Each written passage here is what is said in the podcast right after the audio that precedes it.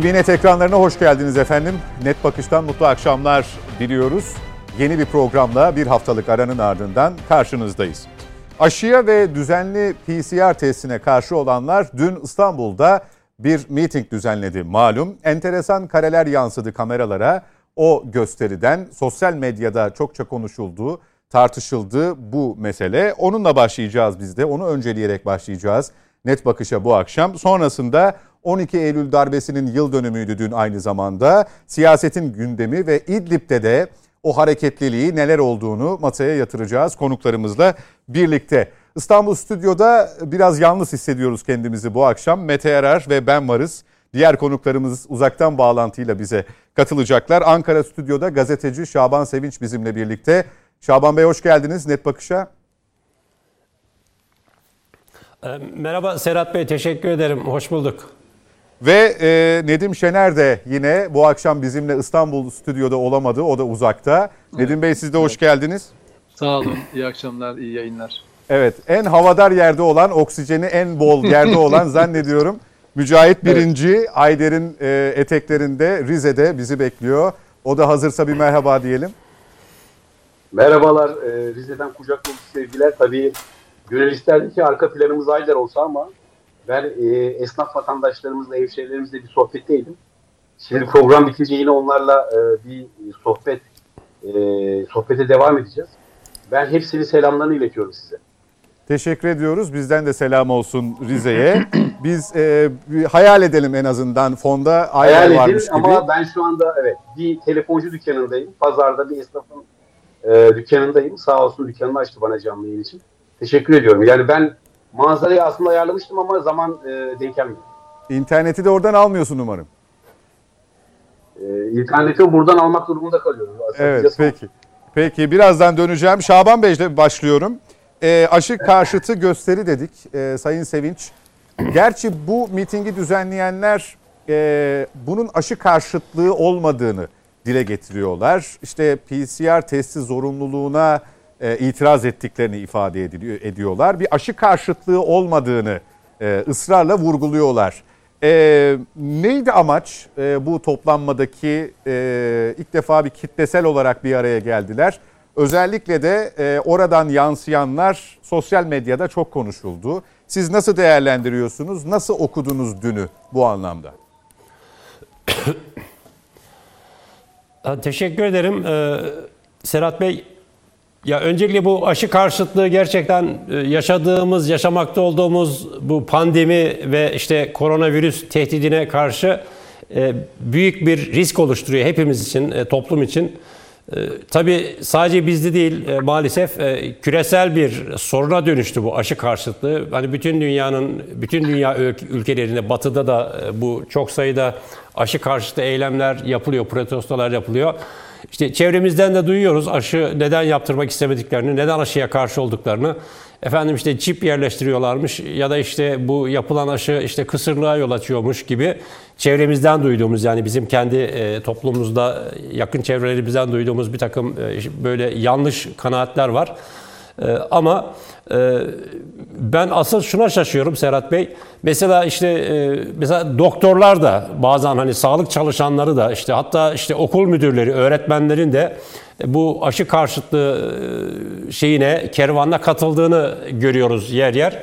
Asıl beni bunlar şaşırtıyor. Yani Anadolu'muzda hani e, yani daha böyle bilimsel gerçekliklerden uzak işte kırsal kesimdeki bazı vatandaşların ya işte bize çip yerleştiriyorlarmış ya da işte bu aşı sakat bırakıyormuş ya da kısırlaştırıyormuş bu aşı gibi e, böyle gerçek dışı e, propagandaların etkisinde kalması belki anlaşılabilir ama e, doktor olmuş, işte hemşire olmuş e, ya da işte öğretmen olmuş gibi böyle e, daha hani okur yazar vatandaşlarımızın hele ki bilimin içinde e, ki işte sağlık kurumunun içinde, sağlık sisteminin içindeki kişilerin aşı karşıtlığını gerçekten anlamakta zorlanıyorum. Ee, bence buna yani küresel ölçekte de tabii her ülke kendi içinde çözümler aramaya çalışıyor ama bizim ülkemizde de e, aşı karşıtlığının e, hani sonlandırılması için hem toplumun işte aydınlatılması gerektiği şekilde ama öte yandan da aşının yani aşı olmazsa işte iş yerine gidemeyeceği, okula gidemeyeceği, hastaneye gidemeyeceği, işte otobüse binemeyeceği, uçağa binemeyeceği gibi bir takım e, sınırlamalar ve zorunluluklar getirilmeli ve aşı karşıtlığının önüne geçilmeli diye düşünüyorum. Çünkü bunun hani şeyi yok, başka çaresi yok. Bu toplum sağlığı ile ilgili bir durum ve e, hani bilim insanları e, bizim ülkemizin de başka ülkelerin de e, bilimle ilgili otorite kurumları eğer bu aşının bu hastalığı yenmemiz için gerekli olduğunu ve herkese uygulanması gerektiğini söylüyorsa buna hepimizin güvenip inanıp bu aşıyı yaptırmamız gerekir. Yani bu gerçeğin işte bir şekilde anlatılması gerekir. Ama maalesef e, bu tepkiler gittikçe büyüyor. İstanbul'daki gösteri de benim umduğumdan çok daha şeydi hani kalabalıkta hakikaten. Ama e, bir yandan da bir gerçeklik ama bu durumun da aşılması da bir bizi hani bir gerçekle karşı karşıya bırakıyor. Yani Peki. aşı karşıtlığının yayılması demek, daha da genişlemesi demek toplum sağlığının daha büyük tehlikeyle karşı karşıya kalması anlamına gelebilir. Ee, bu arada ben e, girişte dün diye duyurmuştum mitingi. Cumartesiydi onu düzeltmiş olayım. Ee, sevgili izleyicilerimizden evet. e, uyarı gelmiş. E, onu düzeltmiş İstanbul'da. olalım efendim. E, Mete Yarar e, sen ne düşünüyorsun? E, biz bunu geçtiğimiz hafta da konuşmuştuk. Ama e, böyle bir kitlesel eylem ki çok öncesinden belli planlı programlı bir şeydi. Bir yandan da tabii e, sağlıkçıların da tepkisine neden oldu. İşte izin meselesi vesaire kapsamlı bir şekilde tartışıldı, tartışılmaya da devam ediyor. Ee, acaba e, bir kararsızlık mı, tam anlamıyla karşıtlık mı noktasında arada kalınmış gibi görünüyor. Ne dersin? Valla bu konuda e, kendi beyanları olan e, insanlara e, neler söylüyor onlara baktım ben de. Yani buna e, önderlik eden insanlar var. Birçoğu biz açık karşıtı değiliz diyorlar. Yani insanlar aşı yapılsın ve bunun propagandasını yapmıyoruz. Yalnızca ben aşı olmadım. Aşı olmak için zorlanmanın karşısındayım diyen bir grup var. Ve bu e, aslında baktığında e, oranın büyük bir kısmını oluşturuyor. İkinci kısım e, yabancı aşıya güvenmeyip Türk aşısını bekleyen bir grup var. Yani Turgovak'ı e, aşısını bekleyen bir e, grup var. Üçüncü grupta işte komplo teorileriyle bunun e, çok daha farklı olduğunu düşünüp diğer insanlara da e, aşı olmayın tebligatını yapan insanlar var. Yani üç ayırmak lazım bunu. Hatta mitingde bile bu tartışma orada yaşanmış. Yani e, sert söylemler yapanlar da var. Bu sert söylemlere karşı olan insanlar da var. Yani benim tanıdığım gazeteci, yazar, televizyoncu birçok kişi bu anlamda bu üç grubu oluşturuyor. Ben çok erken olduğunu düşünüyorum. Yani e, siz geçmişteki bütün aşılar geldiğinde insanların komple gidip hep aşı olduğunu falan düşünüyorsak yanlış düşünüyoruz. Yani geçmiş örneklere baktığımızda da bir hastalığın tedavisi için bir aşı bulunduğunda insanların mesafe e, durması genel bir kanı. Bu Türkiye içine geçerli. Şöyle bir şey de var pardon. Hı hı. Ee, mesela çocuk aşıları çok önemsenir. Hı hı. Ee, özellikle son 20 yılı 30 yılı göz önünde bulundurduğumuzda. Ee, riskli hastalıklar grubunu önleme amaçlı e, aşılar önemsenir. Ama tercihen çocuğuna e, bu aşıları yaptırmayan aileler de var.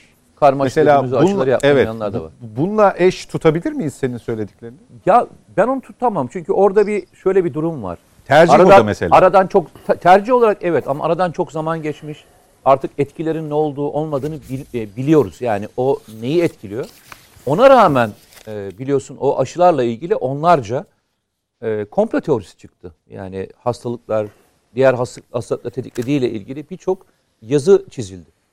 Bu aşı tekniği ilk defa kullanılıyor. Biliyorsun yani bizim şu anda e, iki tür aşı var. Sinovac farklı bir tür, BioNTech farklı bir tür. BioNTech olan ilk defa uygulanıyor. İlk evet. defa uygulanıyor. Ee, ve o aşının ne olduğuyla konusunda insanların kafasında bir soru işareti olmasını ben gerçekten anlayışla karşılıyorum. Yani ben aşı oldum. Bunu söyleyeyim baştan. Yani aşı olup e, anlayışla karşılıyorum diye söylüyorum. Buradaki tek yapılacak şey aşı karşıtlığını e, arttırmakla ilgili e, söylemler konusunda ben e, biraz mesafeliyim. Yoksa insanlar tercihini yapar, istiyorsa olur, istiyorsa olmaz. Ama bunu e, ilginç teorilere dayanıp, ilginç komplo teorilerine dayanarak anlatmaya çalışmak e, bence e, çok etik değil. Yani bununla ilgili veriler varsa bu verileri zaten e, dünyanın her tarafındaki insanlar paylaşır. Bakın Türkiye'de ne kadar e, sağlık çalışanı var? Rakam yanlış hatırlamıyorum 700 bin civarında galiba yanlış hatırlamıyorsam. Bunun büyük bir çoğunluğu aşı olmuş. Eğitim e, kurumlarında görev yapan, işte isterseniz akademisyen deyin, isterseniz profesör deyin, isterseniz öğretmen deyin, isterseniz anaokulu öğretmeni deyin. Yani yaş itibariyle hitap ettikleri kesimlere baktığınızda büyük bir kesim e, bu aşılarını olmuş insanlar. Zorlama olmadığı halde e, aşı olmuş insanlar. E demek ki özellikle sağlık çalışanları bu kadar e, eğer sıkıntılı bir konu olmuş olsaydı bütün sağlık çalışanları bu işi çok daha iyi bilen insanlar olur muydu? Yani benim işim bu değil. Bana askerlikleri gibi konu koy. Nereye gidersin? Nasıl gidersin? Ben sana saatlerce konuşurum. Ama sağlık olduğunda ben Ama bir orada da şöyle diyorlar yani işte bu uluslararası sistemin kölesi haline gelindi. Çok incelenmedi. Hemen olun şeklinde ikazları Bak yine söylüyorum olmayabilir. Bunu hiç tartışmaya bile açmıyorum. Ben, ben de tartışma tarafı orası değil. Ben bunu bir komplo teorisine dayandırıp insanlara olmayan tebligatını yapanlarla ilgili e, çekincem var diye söylüyorum. Peki. Sen neye dayandırıyorsun? Yani bunu neye dayandırıyorsun? Bu veri ne? Diyorsun ki bu konuyla ilgili çok fazla veri yok. E peki olumlu veri olmadığını biliyorsun diye dayandırdığın e, komplo teorisini veri olmadan nasıl komplo teorisi üretiyorsun peki? Ya bana o biraz e, tuhaf geliyor. Mesafeli durar, durursunuz, mesafe alırsınız. E, ona ka- karşı tercihlerinizi farklı aşılarda uygularsınız. Bunların her biri anlayışla karşılanıyor. Ben o üçüncü grupla ilgili e, hala çekincem var. E, inşallah e, yine söylüyorum, başta da söyledim. Çok erken. Yıllar süren e, ikna çalışmaları sonrasında öbür aşılar da e, insanlara uygulanabildi. Bugün itibariyle bu aşılar da e, bunu yapacak. Ben Güneydoğu Anadolu göre yaptım, Doğu'da göre yaptım, e, farklı illerde göre yaptım, Batı'da, Ege'de ve diğer yerlerde. Bazı aşılar içinde bir sürü e, dedikodu, bir sürü e, problem olduğunu bilirim ben. Yani birçok dedikoduyla aşılar nasıl engellendiğini geçmişten de bilirim. Yani meslek hayatına girdiğim günden beri bilirim. Bilinen aşıyla ilgili bu kadar çok dedikodu yapılırken bilinmeyen bir aşıyla ilgili e, bu kadar e, insanların çekincede olmuş olmasını bence biraz anlayışla, sakince, iknayla e, götürelim.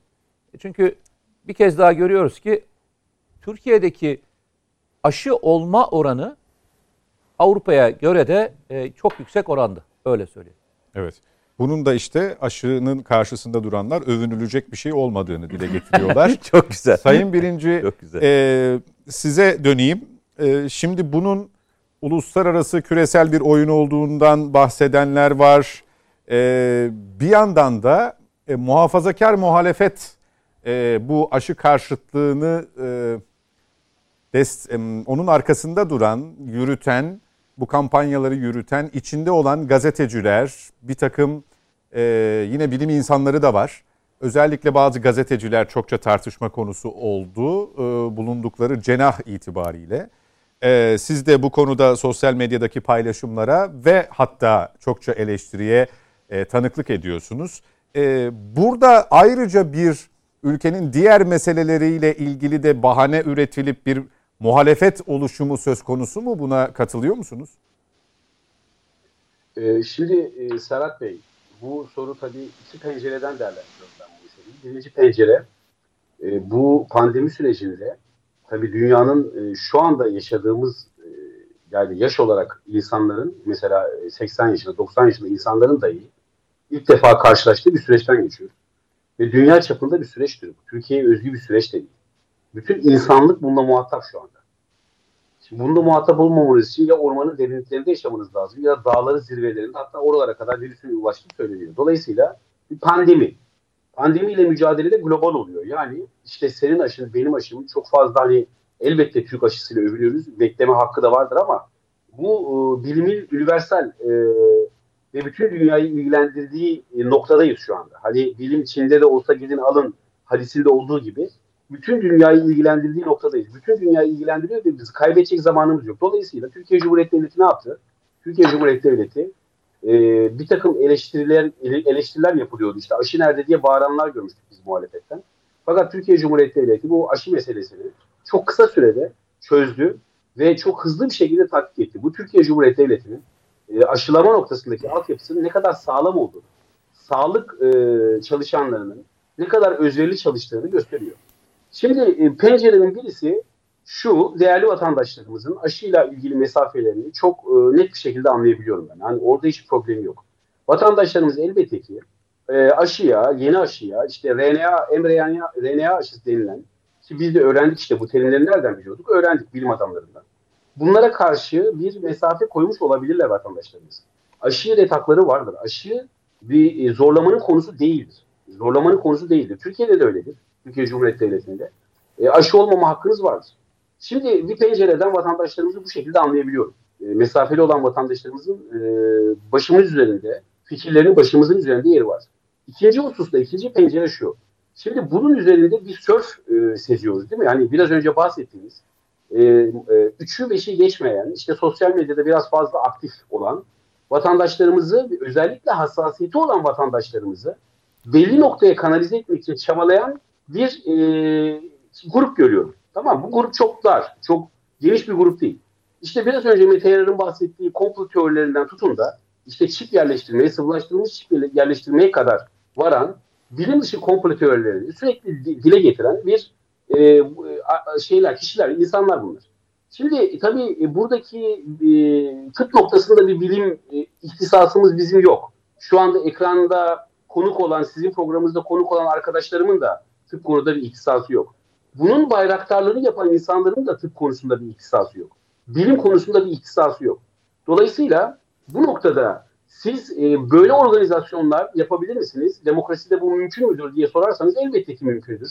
Elbette bu tür organizasyonlar kanunun e, el verdiği, izin verdiği ölçüde, izinleri alındığı takdirde, gösterilen yerde olduğu takdirde hiçbir hukuka aykırılığı yoktur. Bu demokratik bir dışa vurumdur. Fakat benim gözlemlediğim şey o değil. Yani ben burada aslında e, aşıyla alakalı, PCR testleriyle alakalı e, tartışma ortamını çok sağlıklı bulurum.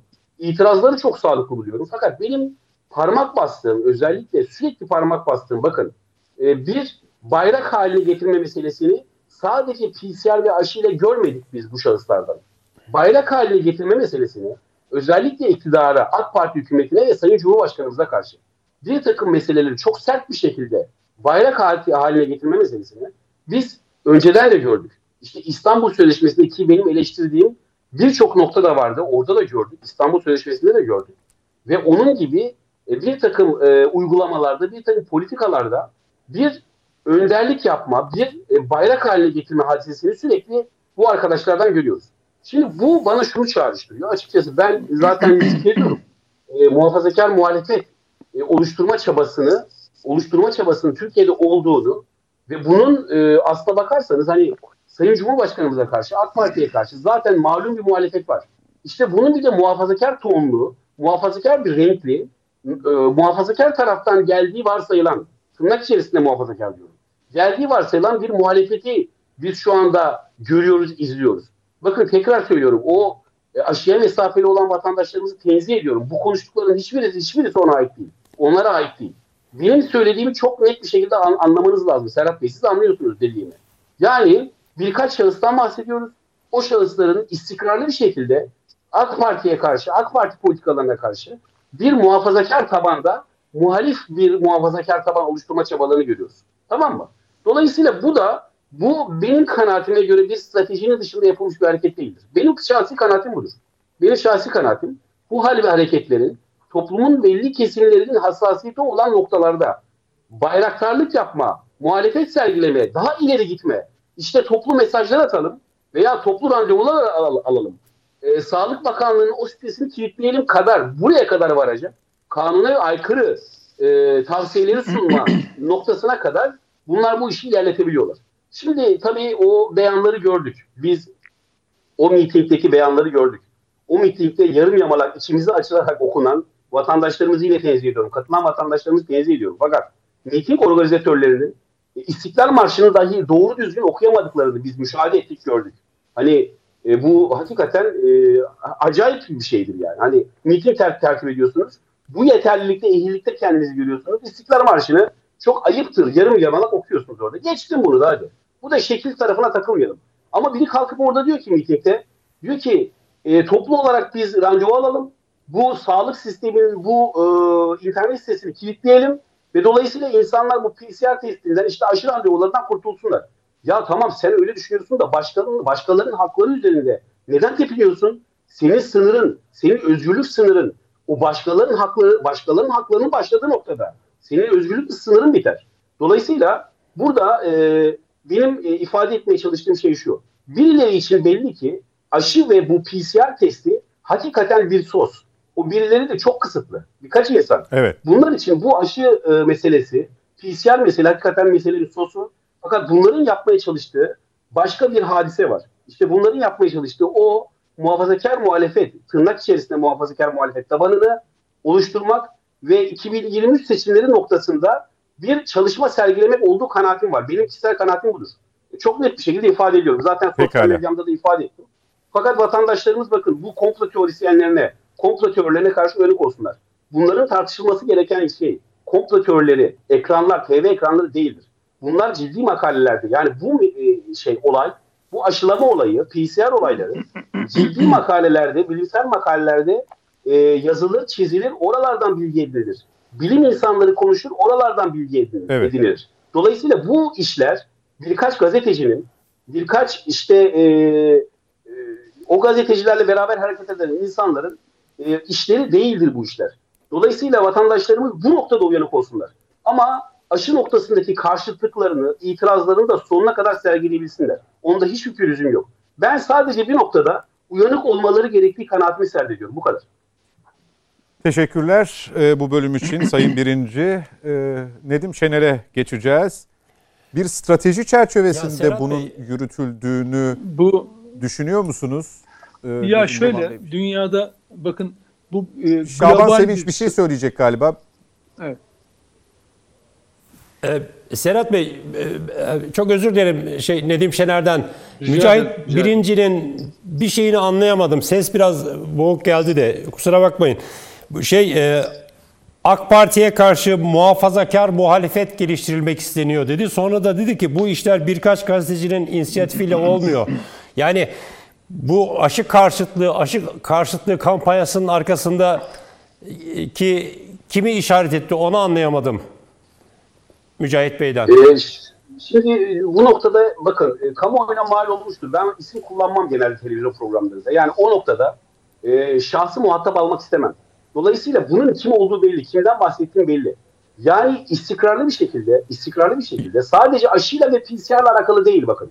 İstikrarlı bir şekilde belki de bizim de karşı durduğumuz, eleştirdiğimiz, eleştirdiğimiz noktalarda e, fakat e, eleştirinin bir tonu ve üslubu vardır. E, dolayısıyla bu üslubu ve tonu aşarak bir bayrak haline getirme e, istikrarlıdır e, diyorum ben. E, bu anlaşıldı herhalde. Yani kimden bahsettiğim belli. İstikrarlıyı da aslında tırnak içinde söylüyor. İstikrar tabii istikrarlı Evet. yani sadece PCR ve aşıyla alakalı mesele de değil. Bu İstikrarlı onun bir şekilde parçası. Adeta muhafazakar kardeşlerimizden o AK Parti'ye AK Parti'ye yıllarını vermiş, yıllarca oy vermiş ve desteklemiş kardeşlerimizden başka bir hareket meydana getirme çabası seziyorum ben. O konuda uyar- uyarıyorum. Yoksa aşı ve PCR bilim adamlarının işidir. İtiraz ederler, kabul etmezler, e, aşı olmak istemezler. İşin o tarafında değilim ben. Çok net bir şekilde ifade ediyorum dediğim şey. Nedim Şener söz sizde. Valla e, Anladım. Teşekkürler. korona pandemi bu pa- korona pandemisi çıktığında ekranlarda hekimler vardı ve e, son derece itibarlı e, açıklamalar yaptılar. Toplumu bilgilendirdiler. Hatta aralarından şehitler var, meslek görev şehitleri var, hemşirelerden var ve canlarını feda ettiler bu toplumun sağlığı için. Ama birkaç tane ni, ni- kendini bilmez kalem sahibi, köşe yazarı toplumun genel sağlığını tehlikeye atabiliyor. Bakın herkes bedeni hakkında istediği tasarrufu kullanabilir. Bu anayasal hakkı. Bir kişi içimizden birisi aşı olmak istemeyebilir. Saygıyla karşılarım. Ama insanlara aşı olmaması gerektiğini söyleyemez. Toplum sağlığını tehlikeye atıyorsunuz. Yani bir bacadan kirli duman çıkarmak gibi, zehirli gaz yay- yaymak gibi toplum sağlığını çünkü şu anda bu konuda aşı kararsızlığı diye bir kavram var. Ee, yine bakın şuna şükredelim. Ee, Avrupa ülkeleri arasında yani Avrupa'da yapılan bir araştırmada aşı aşı olacağım diyen Haziran itibariyle oran yüzde 65. Kararsızım diyen yüzde 20 civarında e, bir şey var. Yüzde 10, 12, 15 civarı yani o onlarda ya olmayacağım diyenler var. Mesela Fransa'da kesinlikle aşı olmayacağım diyenler yüzde 32. Nitekim iki gün önce hatırlayacaksınız televizyonda aşı karşıtlarıyla yani bildiğiniz aşı kararsızı değil aşı olmak istemeyenlerle aşı olmuş olan yurttaşları arasında kavgalar çıktı. Sokak kavgaları çıktı. Yani vatandaş müdahale ediyor Fransa'da buna. Şimdi dolayısıyla bir kişi bakın tekrar söylüyorum aşı olmak istemeyebilir. Ama bu onun kendi aynı kendilerinin söylediği gibi o bağlamda onların kendi hayatlarıyla, bedenleriyle ilgili bir karardır. Buna herkes saygı duyar. Duymak zorundadır zaten. Yani zorla birisine aşı yapacak haliniz yok. Ama siz bu konuda karar vermemiş insanları etkilemek amacıyla oturup yayın yapamazsınız. Nitekim yanılmıyorsam YouTube 1 e, milyona yakın bu tür içeriği yayından kaldırdı. Çünkü toplum sağlığını e, etkiliyor. Yine 400'e yakın bakın profesör yani hekim dünya üzerindeki 440 tane hekimin bu konudaki videolarını sildiler ve isimlerini deklar ettiler. Bu insanların verdiği bilgiler yanlıştır. Ama hepsinin ünvanı doktor, profesör gibi tıp alanında uzman kişiler. Ama pandemi konusunda e, bu e, yaşadığımız hastalık konusunda uzman değiller. Yani adam e, beslenme uzmanı, e, atıyorum kalp veya iç hastalıklarından uzman, uzmanı, ortopedi uzmanı ama profesör yazıyor. Şimdi bu kişiyi tabii insanlar dinleyince aa bakın profesörler, doktorlar da böyle söylüyor, çekinceleri var diye. Elbette ki bazı çekinceler herkeste var. Nitekim bakın durumun aciliyetinden dolayı Dünya Sağlık Örgütü acil kullanım onayı verdi zaten. Yani nitekim hepimiz aşı olurken ne yaptık? E, BioNTech kullananlar sözleşme şey imzaladık ve e, nedir o e, sorumluluğu Sorumlu. üzerimize aldığımıza dair. Bunu niye yaptık? Yani biz kendi kendimize kötülük mü yaptık? Efendim e, ileride işte kalp zarı iltihaplanması olacak ben bunu bile bile ya da iki yıl sonra ölecek miyim falan. Bunun için mi yaptık? Hayır. Baktık insanlar işsiz kalıyorlar. İnsanlar kahvanelerini açamıyorlar. Lokantalarını açamıyorlar. Bir garson her yerde bizim tanıdığımız insanlar iş arıyorlar. Biz o insanlara iş aramaya çalışıyoruz. İnsanlar ekmek götüremiyorlar evine. Tarlaya, tarlaya gidecekler, iş, işçi olmak için ona yapamıyorlar. İnsanlar cenazelerine katılamıyorlar. Yani hayatı hayatı öldürüyorsun. Bak iki yıl, üç, neredeyse bu yıl olsaydı üçüncü yıl olacaktı. Üçüncü sınıfı okuyan çocuk öğretmen yüzü görmeden okula başlamış olacaktı. İnanın ki ben, işte Mete de biliyor, hepimiz birçok yayınımızı evden yapıyoruz, yazılarımızı evden yapıyoruz. Kendimizi koruyabilirdik, koruduk da zaten. Ama aynı zamanda aşı olarak bir toplumsal görevi yerine getirdik. Tamam bu beden benim bedenim ama ben ben bu topluma kendime sorumlu hissediyorum. Şimdi o insanlarda bakın bunu böyle duyarlı olmayabilir insanlar. Bundan duyarlılık ol. Ama o zaman tut, düşünün ki yüksek satışlı gazetede aşı karşıtlığı yapıyorsunuz. Hangi uzmanlıkla? Kafanızdaki bazı sorular, soru işaretleriyle. Ya bakın ben bulunduğum yere gelmek için feribota bineceğim. Orada İskele'de kafede diyor ki bana vatandaş kafası nasıl karışmış biliyor musunuz yazılanlar çizenlerden? Ya bu aşıyla işte dünya nüfusunun işte 5 milyara yakın insanı yok edecekler. 2 milyar kalacakmış. O zaman dedim şöyle düşün. E, Amerikalılar ve İsrailler kendilerini yok etmek için bütün toplumu aşılamaya çalışıyorlar mesela değil mi? Adam ikinci, üçüncü, dördüncü dozu yapıyor. Almanlar mesela BioNTech işte ortaklığı var değil mi burada? Almanlar da BioNTech oluyor ve kendini imha etmeye çalışıyorlar öyle mi? Ama öyle diyorlar. Kim diyor? Köşe yazarın ismini veriyor ya da e, YouTube'da izlemiş oradan görüntüyü paylaşıyor. Bu insan aşı oldun mu? Hayır olmamış. Kafası karışmış. Şimdi o yüzden basın meslek örgütleri, Sağlık Bakanlığı, kim? Gazetelerde hiç kimse toplum sağlığını tehlikeye atacak yazı yazamaz. Yazamaz. Gazetecilerin hak sorumluluk bilgileri, bildirgeleri bunu. Çünkü gazeteci yaşamla ilgilidir. Mesela bazıları şunu söylüyorlar. Televizyona çıksın insanlar aşı karşıtları konuşsunlar. Aşıyı savunanlarla ben bunu yaşadım. Aşı, aşıyı savunanlarla karşıt olanlar tartışsın. Kim tartışsın? Hocalar, profesörler var birkaç tane piyasada böylesi. Dedim ki yani bu şeye benziyor. Sigara bağımlısı bir profesör olsun. Sigara sağlığa zararlıdır bu arada onu da şey yapalım uyarmış olalım. Sigara bağımlısı bir adam bunun yararından bahsedecek. Bir başkası da bunun zararından bahsedecek. Böyle bir şansın var mı? Böyle bir şey yapılıp yapabilir misin? Yapamazsın. Çünkü o doğrudan toplum sağlığına zararlı. Bunu kimseye savunduramazsın. Aşı olmamayı kimseye savunduramazsın. Çünkü Sağlık Bakanı da açıkladı.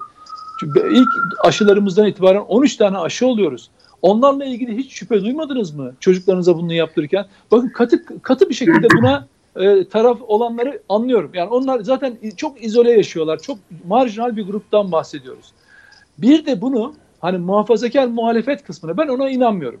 Çünkü dünyanın her yerinde farkındaysanız maskeye de karşı olanlar var. Bunun Alman'da, Fransız'da, Japonya'da da efendim e, Türkiye'de de bu, bu insanlar var. Yanılgı şurada. Bazı insanlar Yo, Türkiye'de muhafazakar söylemedim ben. Ee, bir, sadece birkaç şahsın yaptığını ifade ettim bunu. Yapma Ya, çabası ona, ifade ona da geleceğim. Ona da geleceğim. Onların öyle bir gücü yok. Bakın öyle bir gücü yok. Hakikat Başka hakikat olur. hep galip gelir. O, hakikat hep galip gelir. Kimse kimseye bu konudan bir şey yapamaz. Yapmak isteyebilir, onu kullanmak isteyebilir. Ama o döner onun kendi ayağına dolanır yani. Şimdi şöyle düşünüyor. Mesela ma- ma- şöyle bir şeyler duyuyoruz. Belli inanç grupları içerisinde işte onların lideri diyor ki aşı olmayın, onlar da olmuyorlar. Bunu da kendi itikadi dünyasına bağlıyor. Yani inanç dünyasına bağlıyor.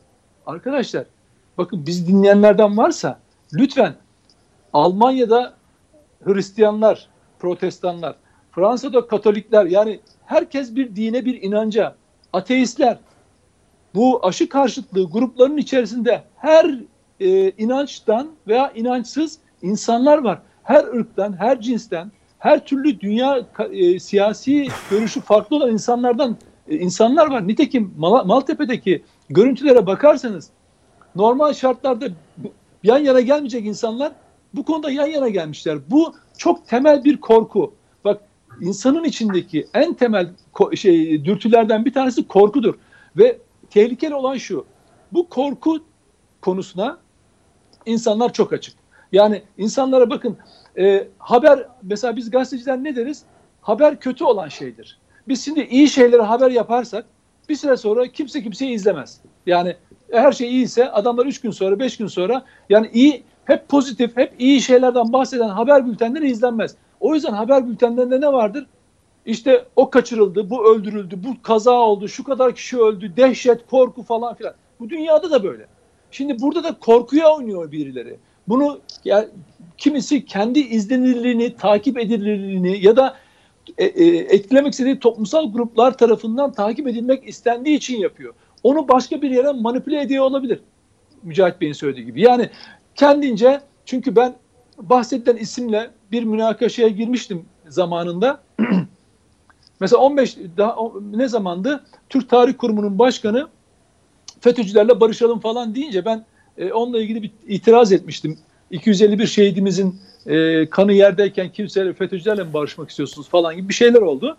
Sonra o yazar efendim Hazreti Yusuf'tan örnekler vererek işte kardeşlerini affetmişti falan filan dedi. Ya kimse kimseyi bakın e, FETÖ'cüler gibi bir grubu affetmeyi düşünebilecek ve bunun üzerinden güya bir hareket yapmak isteyecek zihniyet oturmuş burada da bu öne çıkmış toplumu e, yönlendirmeye çalışıyor. Buradan o siyah bakın bu aynı kişi veya birkaç kişi daha uzun zamandan beri bunu yapıyor. Yani uzun uzun çok uzun zamandan beri bunu yapıyor ve bir yere varmaya çalışıyor. O yüzden onları çok ciddiye almamak lazım. Mesele şu. Onun çalıştığı gazeteyi Tabipler Odası, basın meslek örgütleri, Sağlık Bakanlığı enforme etmeli ve toplum sağlığını etkileyecek yayınlardan kaçınması söylenmeli. Ya şöyle Evet. düşünün. Bir ülkenin insanların tamamına Cumhurbaşkanından, Başbakandan, muhalefet liderlerinden, bütün partilerin liderleri aşı olurken görüntüleri oldu. Çıktı değil mi? Bunların hepsi bu toplumu öldürmeye mi çalışıyor? Hepsi bu toplumu zehirlemeye, kısırlaştırmaya, kalp zarında iltihap yaratmaya, hatta yok etmeye mi uğraşıyor? Ya insanda biraz düşünme olmaz mı arkadaşlar? İkincisi Maltepe mitinginde korkunç olan şeylerden birisi şu. ben hani benzetmemde şey olmasın hani Allah'ın e, e, insanlara verdiği bazı özellikler vardır ve tabipler, hekimler onun o özelliğini, o şafi özelliğini, o şifacı özelliğinin elidir diye düşünüyorum ben.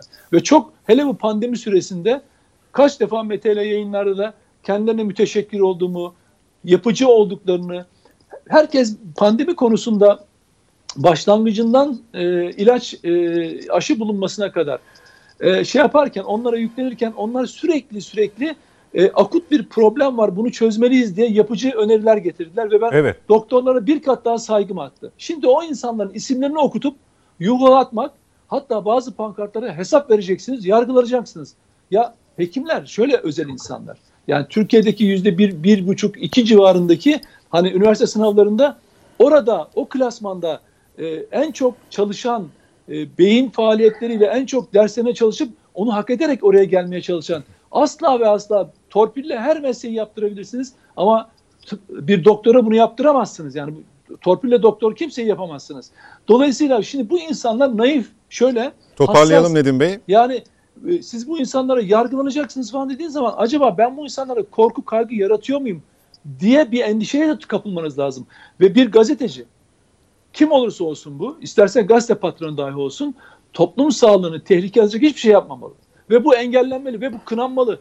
Yani Mücahit Bey e, nezaket gösteriyor. Hani ben de onun e, ona iştirak etmek istiyorum. İsmini zikretmiyorum ama gerekirse çata çatla kavga etmek gerektiğini düşünüyorum bu insanlarla. Çünkü sadece küçük tiracı değil, büyük tiracı gazetelerde de oturmuş bunu savunuyor. Kardeşim tekrar söylüyorum.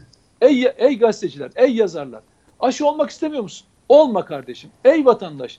Aşı olmak istemiyor musun? Olma. Ama olmak isteyen ve kararsız olan %20'lik bir grubumuz var. Çünkü %65'i aşı olacak. 20'lik bir grubumuz var. %10-15 zaten bekliyoruz. O marjinal bir şekilde olmama, olmama konusunda direniş, dirençli olan insanlar var. Ama o insanları olumsuz etkileme. Çünkü niye biliyor musun? Senin bu yarattığın etki dışarıda çocuklarımızın okulunu etkileyecek. E, esnafı etkileyecek. Efendim iş adamını etkileyecek. Ne bileyim servis şoförünü etkileyecek. Ve biz onların iki yıl gözyaşlarıyla boğulduk ya. Bu insanda biraz sorumluluk olur yani. Sen bir şey ta- okunacağım, tatmin edeceğim, bir takım iz- beni insanlar izlesinler. Hatta siyasi menfaat elde edeyim diye bunu yapma. Siyaset yapmak istiyorsan gir bir partiye oradan yap. Peki. Nedim Bey teşekkürler bu bölüm için. Ara vakti reklamların ardından net bakışa kaldığımız yerden devam edeceğiz efendim. Bizden ayrılmayın.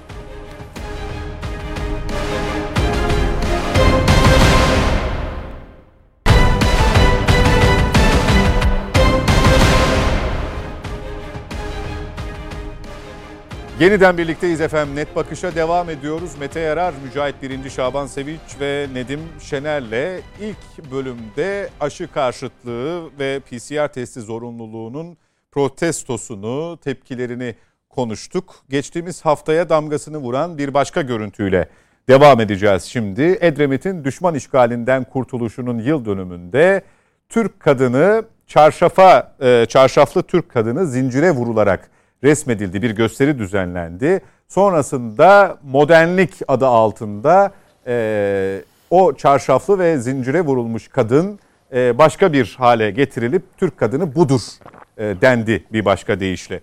Şaban Bey e, sizinle devam edelim. Bu gösteride e, tamam. bir plan, bir kasıt arıyor musunuz? Aramıyorum açıkçası Serhat Bey. Şöyle daha önce bir AK Partili belediye de galiba yapmış. O da yansıdı sonradan basına. Ee, yani bir o yöredeki e, kutlama o şeyi yapan o işte 30 Ağustos e, ne diyelim anmasını yapan e, belediyenin ya da yetkililerin bir e, densizliği, e, yanlış e, tasarımı, yanlış yaklaşımı yoksa oradan hani böyle bir işte Edremit'in kurtuluşu. Yani bir laiklik tartışması Evet evet Edremit'in kurtuluşu biliyorum da başka bir Bigadiç galiba. Bigadiç, Bigadiç olmuş Çanakkale galiba. Bigadiç evet.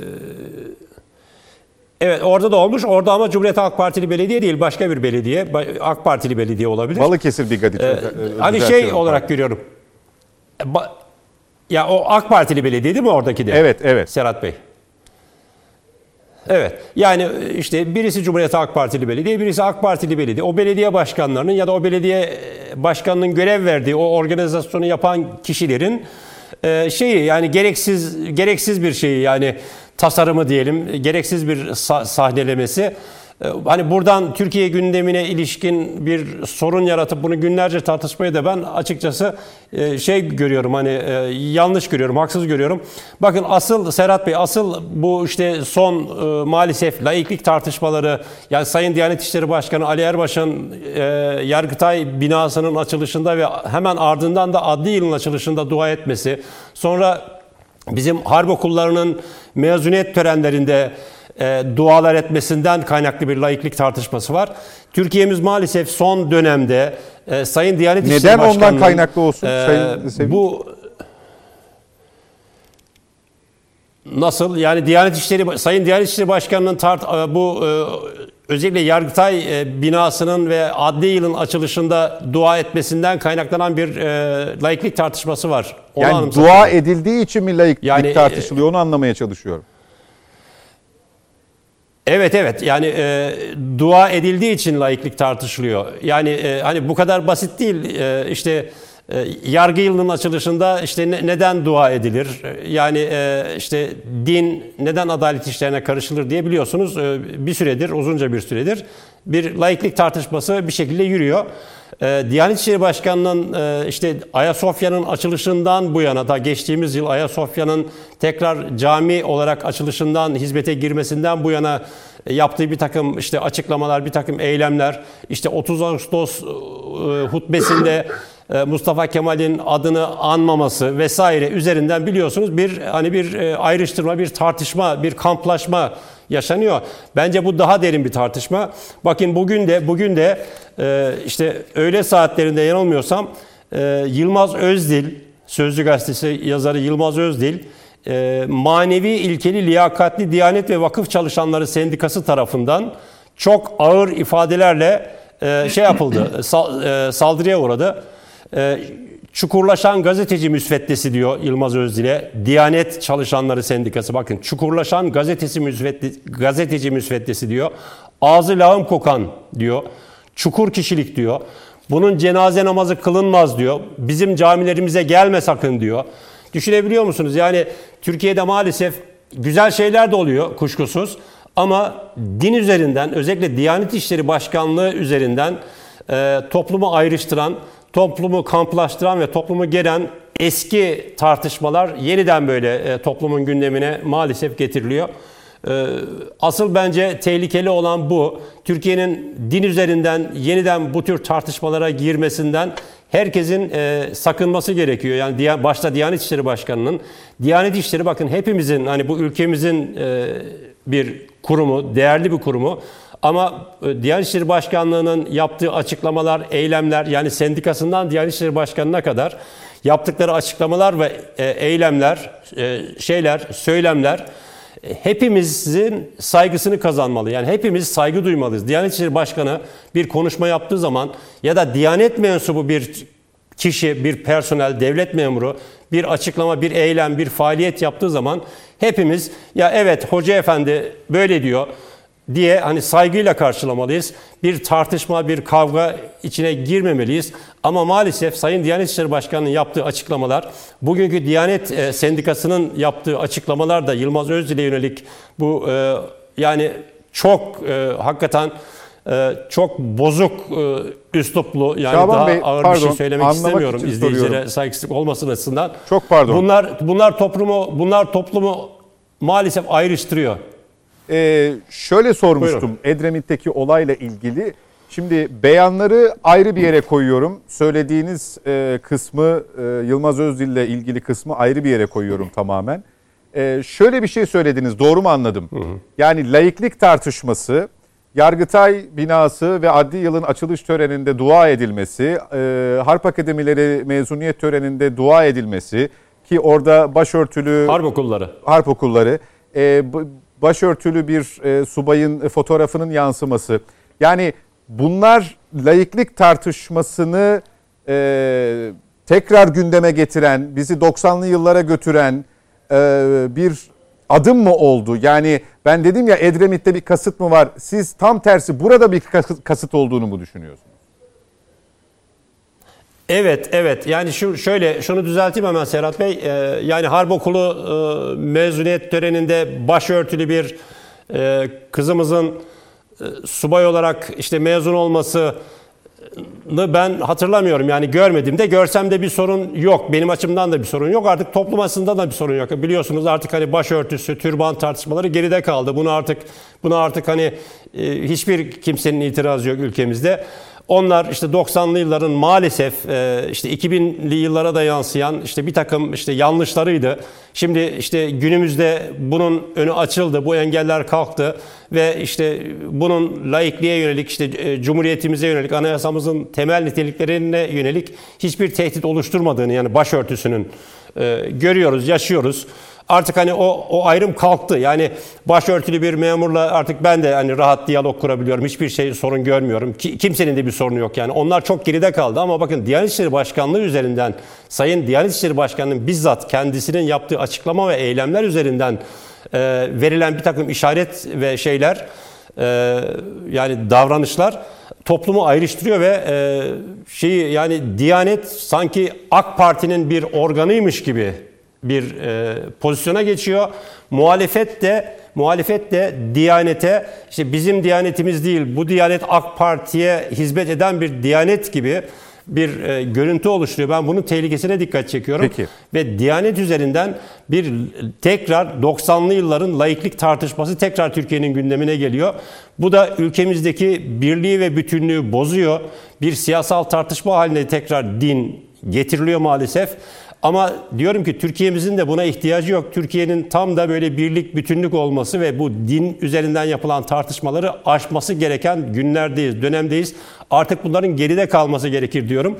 Bugün Yılmaz Özdil'e Diyanet Sendikası tarafından yapılan ağır saldırıyı da bu çerçevede çok haksız ve yanlış buluyorum bizzat Diyanet İşleri Başkanı'nın keşke bizzat Sayın Diyanet İşleri Başkanı çıksa ve dese ki Yılmaz Özdil'e yapılan işte Diyanet e, Vakfı'nın yaptığı e, pardon Diyanet Sendikası'nın Diyanet çalışanlarının yaptığı bu e, Yılmaz Özdil'e yönelik bu açıklama yanlıştır.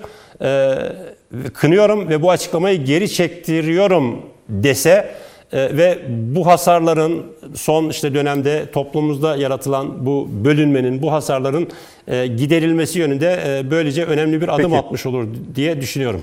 Mücahit Birinci e, bu laiklik tartışmasının Sayın Ömer Çelik'e de sorulmuştu biz yayına hazırlanırken AK Parti Merkez Yönetim Kurulu toplantısının ardından.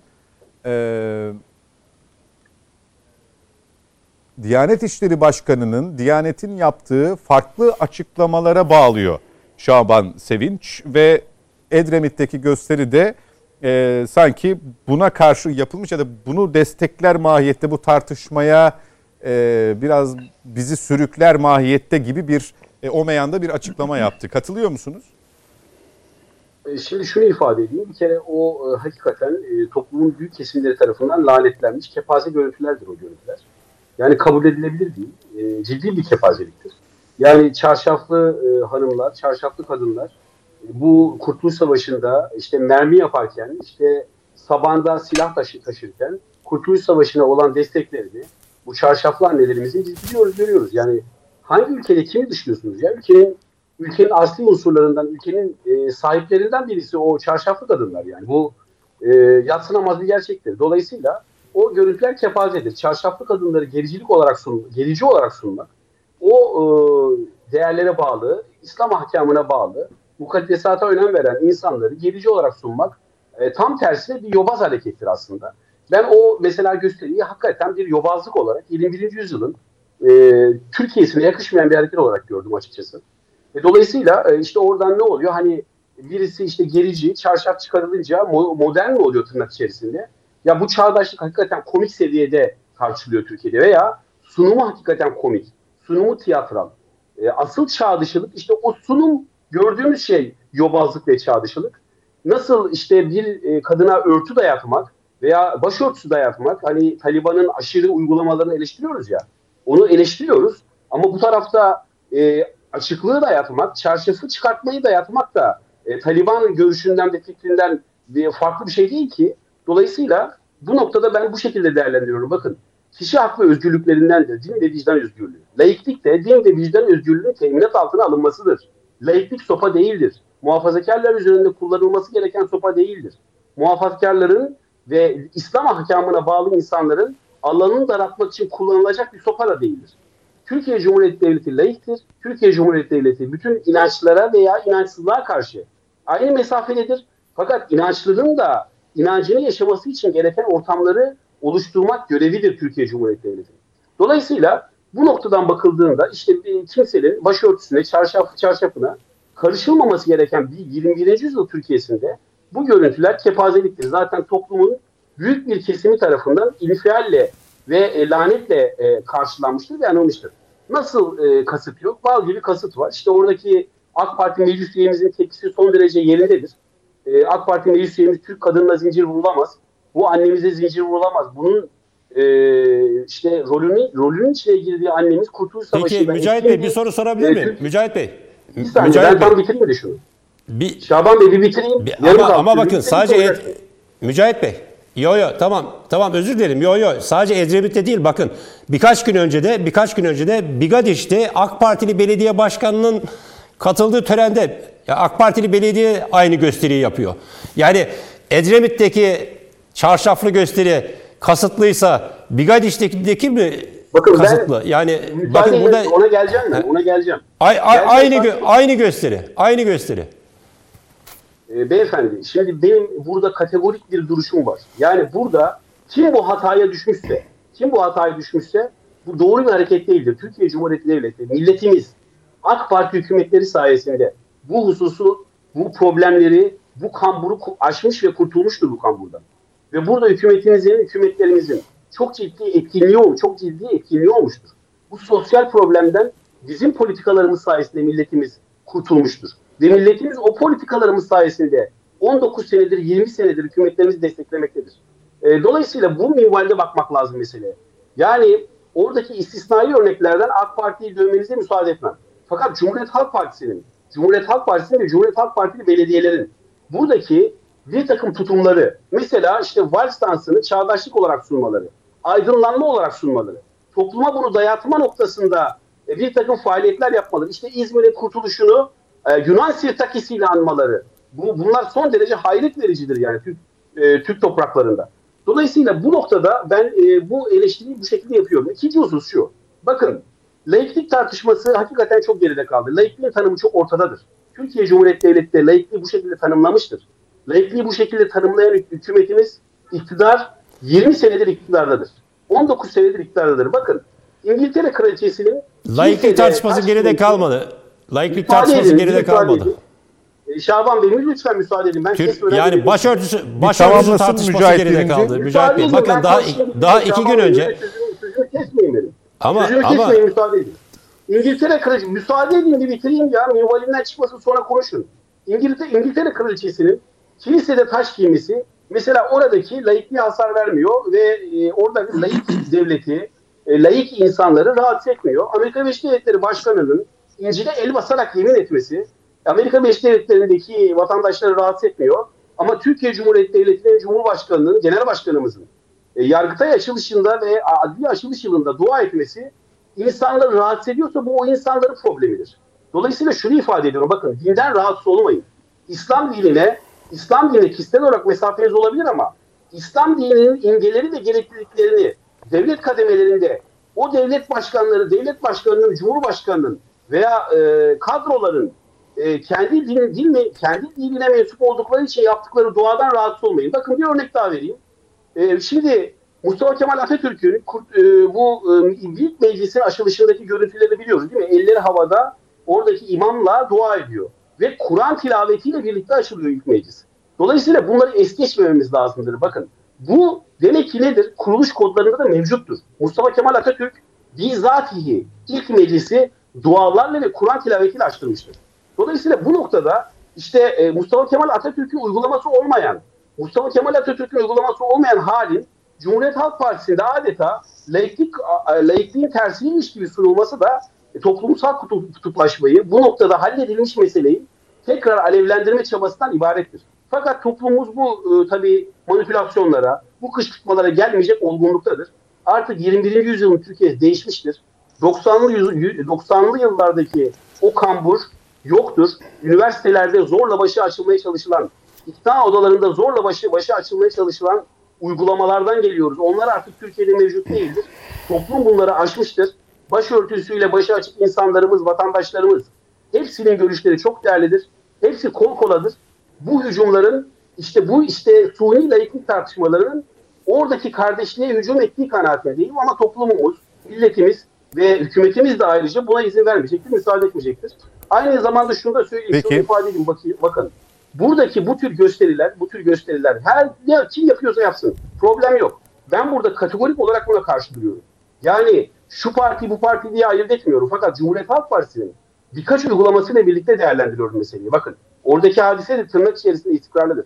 Bu uygulama e, nefret suçları kapsamında Türk Ceza Kanunu'na göre tipik suçtur. Benim kanaatime göre oradaki hadisede soruşturma açılması elzemdir. Benim kanaatim budur. Açılması lazım. Yani ne oluyor? Çarşaflı, zincirli. Ondan sonra zinciri koyuyor, çarşaflı, koy- e, çarşafı çıkartıyor. Tırnak içerisinde ne oluyor? Çağdaş bir kadın mı oluyor? Ya böyle bir şey olabilir mi ya? Dünyanın hiçbir tarafında kabul edilecek bir hadise değildir. Londra'nın sokağında sihler sarıkla dolaşmaktadır ya. Artık 21. yüzyıldayız. Biraz utanalım bunlardan, bu görüntülerden. Biraz bu görüntüleri geride bırakalım. Benim kanaatim bu. Peki Şaban Bey itirazınız vardı zannediyorum.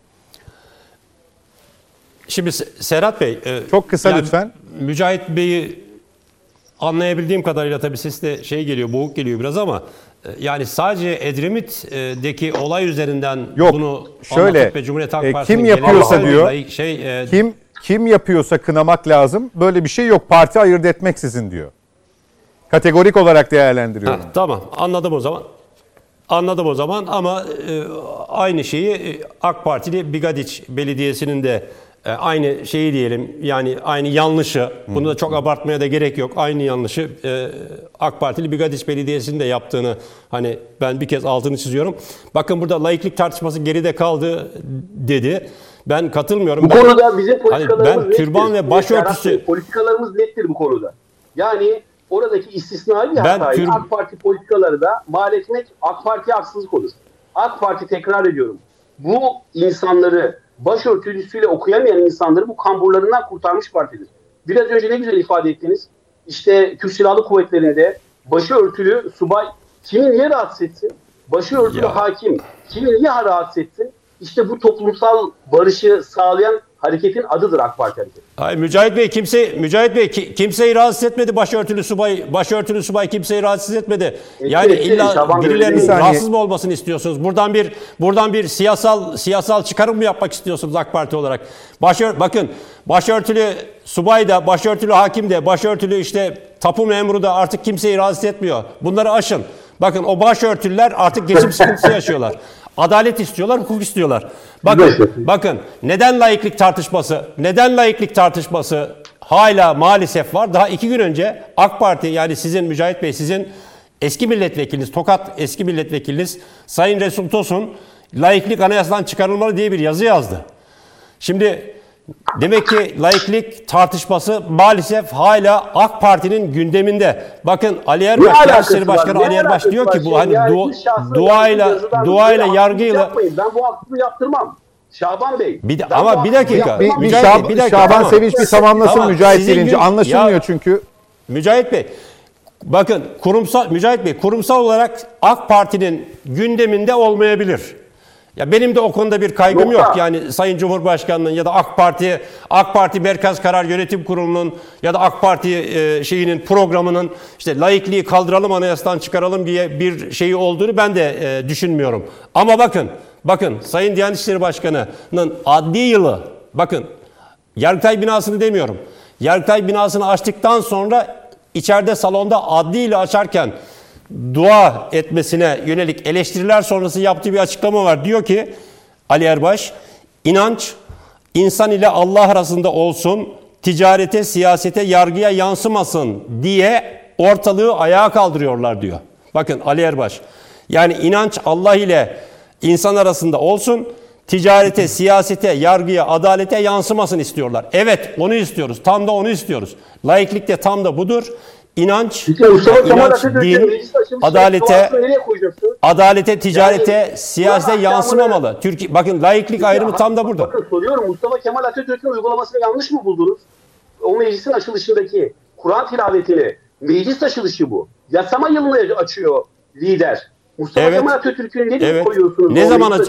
Ya Mücahit Bey, Mücahit Bey? Mustafa Mus Mücahit Bey, Mücahit Bey Allah aşkına bakın hepimiz Müslümanız ya. Kimse ki ya Mü- Mücahit Bey bakın kimse ya, kimseye Müslümanlık dersi ya, vermesin. Kimse kimseye kimse kimseye kendi Müslümanlık, kendi İslam anlayışını dayatmaya kalkışmasın. Mustafa Kemal'in hangi koşullarda o 23 Nisan 1920'de Türkiye Büyük Millet Meclisi'nin işte Hacı Bayram Camii'nde cuma namazı kıldıktan sonra dua ile açtığını değil mi? Hepimiz biliyoruz. Daha Osmanlı Mustafa düzeninde Kemal bir milli mücadele, bir kurtuluş savaşı başlatma. Koşullara göre değişiyor mu diyorsunuz Şaban Bey?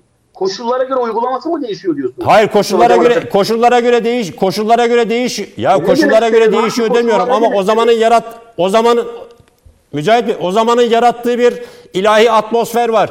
Bir bir milleti motive etme var. Bir milli mücadele, bir düşman işgaline karşı bir hareket, harekat başlatma girişimi var. Tabii ki o zaman Türkiye Büyük Millet Meclisi Mustafa Kemal işte Cuma namazı kıldıktan sonra bütün toplum önderleriyle birlikte mecliste bir dua ile açarak yani bir bir bir manevi bütünleşme sağlayarak bir milli mücadeleye girişgah yapıyor. Bugün o koşullar mı var? Aynı Mustafa Kemal Cenab-ı 1937'de Hak'tan bir talep din ve devlet işleri ayrılsın diye layık Pole- bir anayasaya koyuyor ve lütfen. değiştirilmesi teklif dahi edilemez bir kural haline getiriyor. Şaban Bey, Yani Mustafa Bey, Kemal'i o kadar örnek Mustafa Kemal'i o kadar örnek alacaksanız Mustafa Kemal'i o kadar örnek alacaksanız Mustafa Kemal'in dönemindeki Diyanet İşleri Başkanlarının tarzlarına, uygulamalarına, topluma sundukları barış, hoşgörü ve birlikte sağladıkları birlikteliklere bakın. Lay- Ee, Şaban Mücahit Bey, Bey. tamamlayın lütfen. Polemiğe dönüşmesin çünkü e, anlaşılmıyor. Mücahit Bey Tamam, e, Skype tamam, bağlantısında üst üste biniyor sesler. Tamamlayın. İtirazları ben daha sonra Hayır. alırım. Mücahit Bey Mücahit Bey Mücahit Bey şunu onaylıyor mu? Yani Diyanet İşleri Başkanı'nın e, efendim din yani inanç adalete, yargıya yansımasın istiyorlar. Ama yansımalı diyor yani Diyanet İşleri Başkanı. Mücahit Bey buna katılıyor mu bir avukat olarak? Din, Bakın, din ben- kuralları adalete yansımalı mı? Mücahit Bey ne diyor? Ben açıkça şunu ifade Ali. Erbaş'ın bu sözlerini merak Bakın, ediyorum. Şimdi sizin o militan laiklik anlayışınız var ya, sizin kastettiğim siz değilsiniz. Belki sizin düşüncenizi bilmiyorum, öyle değil ama sizin o militan laiklik dinin tamamen sahadan çekildiği, dinin ta- tamamen kamusal alandan çekildiği, yani kişilerin kendilerini dua ile bile ifade edemedikleri anlayış artık yok. Dünyada da yok. Bakın örnek verdim. Yo, işte Amerikan başkanlarının İncil'e el basarak yemin etmesini örnek verdim. Yani bunda rahatsız olacak bir şey Ya yok Mücahit. Bey, Bu, bu Bekleyelim bir dakika Bey, Şaban Bey. Bir saniye Mücahit Bey. tamamlasın. Bir Soru sordunuz cevabı soru- alalım. Soru soruyorsunuz. Şimdi burada laiklik karşıtı, laikliğe karşı bir durum yok ki. Yani o hassasiyeti sergilemek boşuna. İnsanlar elbette ki Allah'tan talepte bulunabilirler. Benim toplumun büyük kesimlerinde, kahir ekseriyetinde bu meselelerde, bu meselelerde rahatsızlık duyulmadığı o kadar belli ki. Yani duadan bir rahatsızlık yok. Ya bir fikir var Serhat Bey. İşte yağmur duası dalga geçiliyor. Ya e, üstad bizim memleketteki gibi bakın e, Bernard, Bernard Russell'da, Russell'da hakikaten kendisini ateist olarak ifade eden bir filozof. Ama ben hiçbir tarafta dinle, din ahkamıyla veya duayla dalga geçtiğini görmedim. Ama bizim memlekette maalesef muhafazakar e, kesimin veya işte mütedeyyin insanların e, din, e, dini değerleriyle sürekli bir dalga geçen bir tarz ve yapı görüyorum. Sizi tenzih ediyorum. Buradakileri tenzih ediyorum ama böyle bir yapı Türkiye'de var. Yani kafamızı deve kuşu gibi kuma gömüp sosyal olayları e, böyle kör gözle e, es geçemeyiz. Bunları böyle Peki, teker teker peki Türkiye'de lazım. Türkiye'de bunlar bakın, bunlar edin. konu değil ki. Mücahit Bey. Bunlar gündem değil. Bakın buna buna bakarsanız buna bakarsanız Şaban Bey. buna bakarsanız Türkiye'de Türkiye'de Şaban Bey Türkiye'de buna bakarsanız yanmaz kefen Bakın. yanmaz kefen satan din tüccarları da var. Mücahit Bey. Ya ne alakası var? Ne Türkiye'de alakası var yanmaz olur ya? kefen Ne alakası var satan ne alakası var? Ne alakası var? ne alaka var? olur mu öyle şey? Siz Şaban öbür Bey. taraftan Ne bir bir alakasız bir Bey, örnek Mücahit veriyorsunuz. Ben size cevap verin. Ya böyle- Şuna cevap böyle verin Mücahit Bey. ya. Bakın Yani Diyanet İşleri bir Başkanı şey- diyor ki Diyanet İşleri. Başkanı diyor ki inanç Şaban Peki Bey polemiğe dönüştü. Diğer konuklarımızın hakkına giriyoruz. Ya Onu lütfen lütfen göz önünde hakikaten Ama sorumu yanıtlamıyor ki Mücahit Bey. Bu ahkama hakimdir. Dolayısıyla yanmaz kefen falan nedir ya ne alakası var? Bunu İslam dini bahsinde bunu zikretmenin ne manası var ya? Bu işte polemiğin, manipülasyonu ta kendisi. ya adam televizyon Bakın, televizyonda İslam- televizyonda İslam'ı anlatarak satıyor, ticaretini lazım. yapıyor. Dini ahkamı bilmeden konuşmamak lazım. Ee, ya sizin haddinize mi ya dini konuşmak? Peki, İslam ahkamını peki, konuşmak. Bırakın insanlar dua etsinler. Bırakın devlet daireleri Mücahit dua Bey- etsin. Duayla aşılsın. Ne olacak ya? Bundan rahatsız olmayın. 21. yüzyılın Türkiye'si. Laiklik Ya anlayışı. Mücahit Bey, o Mücahit Bey, Mücahit Bey, Mücahit Bey, sevgili Mücahit Bey, sevgi- sevgili Mücahit Bey, bakın. Laikliğe ters bir durum yok. Sevgili Mücahit Bey, kimse- Şaban Bey kişisel polemiğe dönüştü. Tam bir AK Parti- Burayı, burayı Mücahit Bey. Tamam yok yok. Burayı Mücahit Bey. lütfen. Hemen tamam. Mücahit Bey tam bir AK, tam bir AK Partili siyasetçi gibi konuşuyorsunuz gerçekten. Öyle zaten. Kimsenin Çok Müslümanlık dersi almaya Ben gerek ihtiyacı yok. Kimsenin kimsenin Müslümanlık size. dersi almaya ihtiyacı yok. Biz hepimiz biz hepimiz Müslümansak eğer ailelerimizden, köy, köyümüzdeki işte imamlardan dinimizi öğrenmişiz ve dinimizi kendi anlayışımız çerçevesinde yaşamasını biliyoruz, yaşıyoruz. AK Parti'den de, Diyanet Elhamdülillah. İşleri Başkanı'ndan da İslamiyet, Müslümanlık dersi almamıza gerek yok Yani elhamdülillah. bakın Ben sizden şunu soruyorum. Bak siz bir hukukçusunuz. Mücahit AK Bey, Mücahit Bey.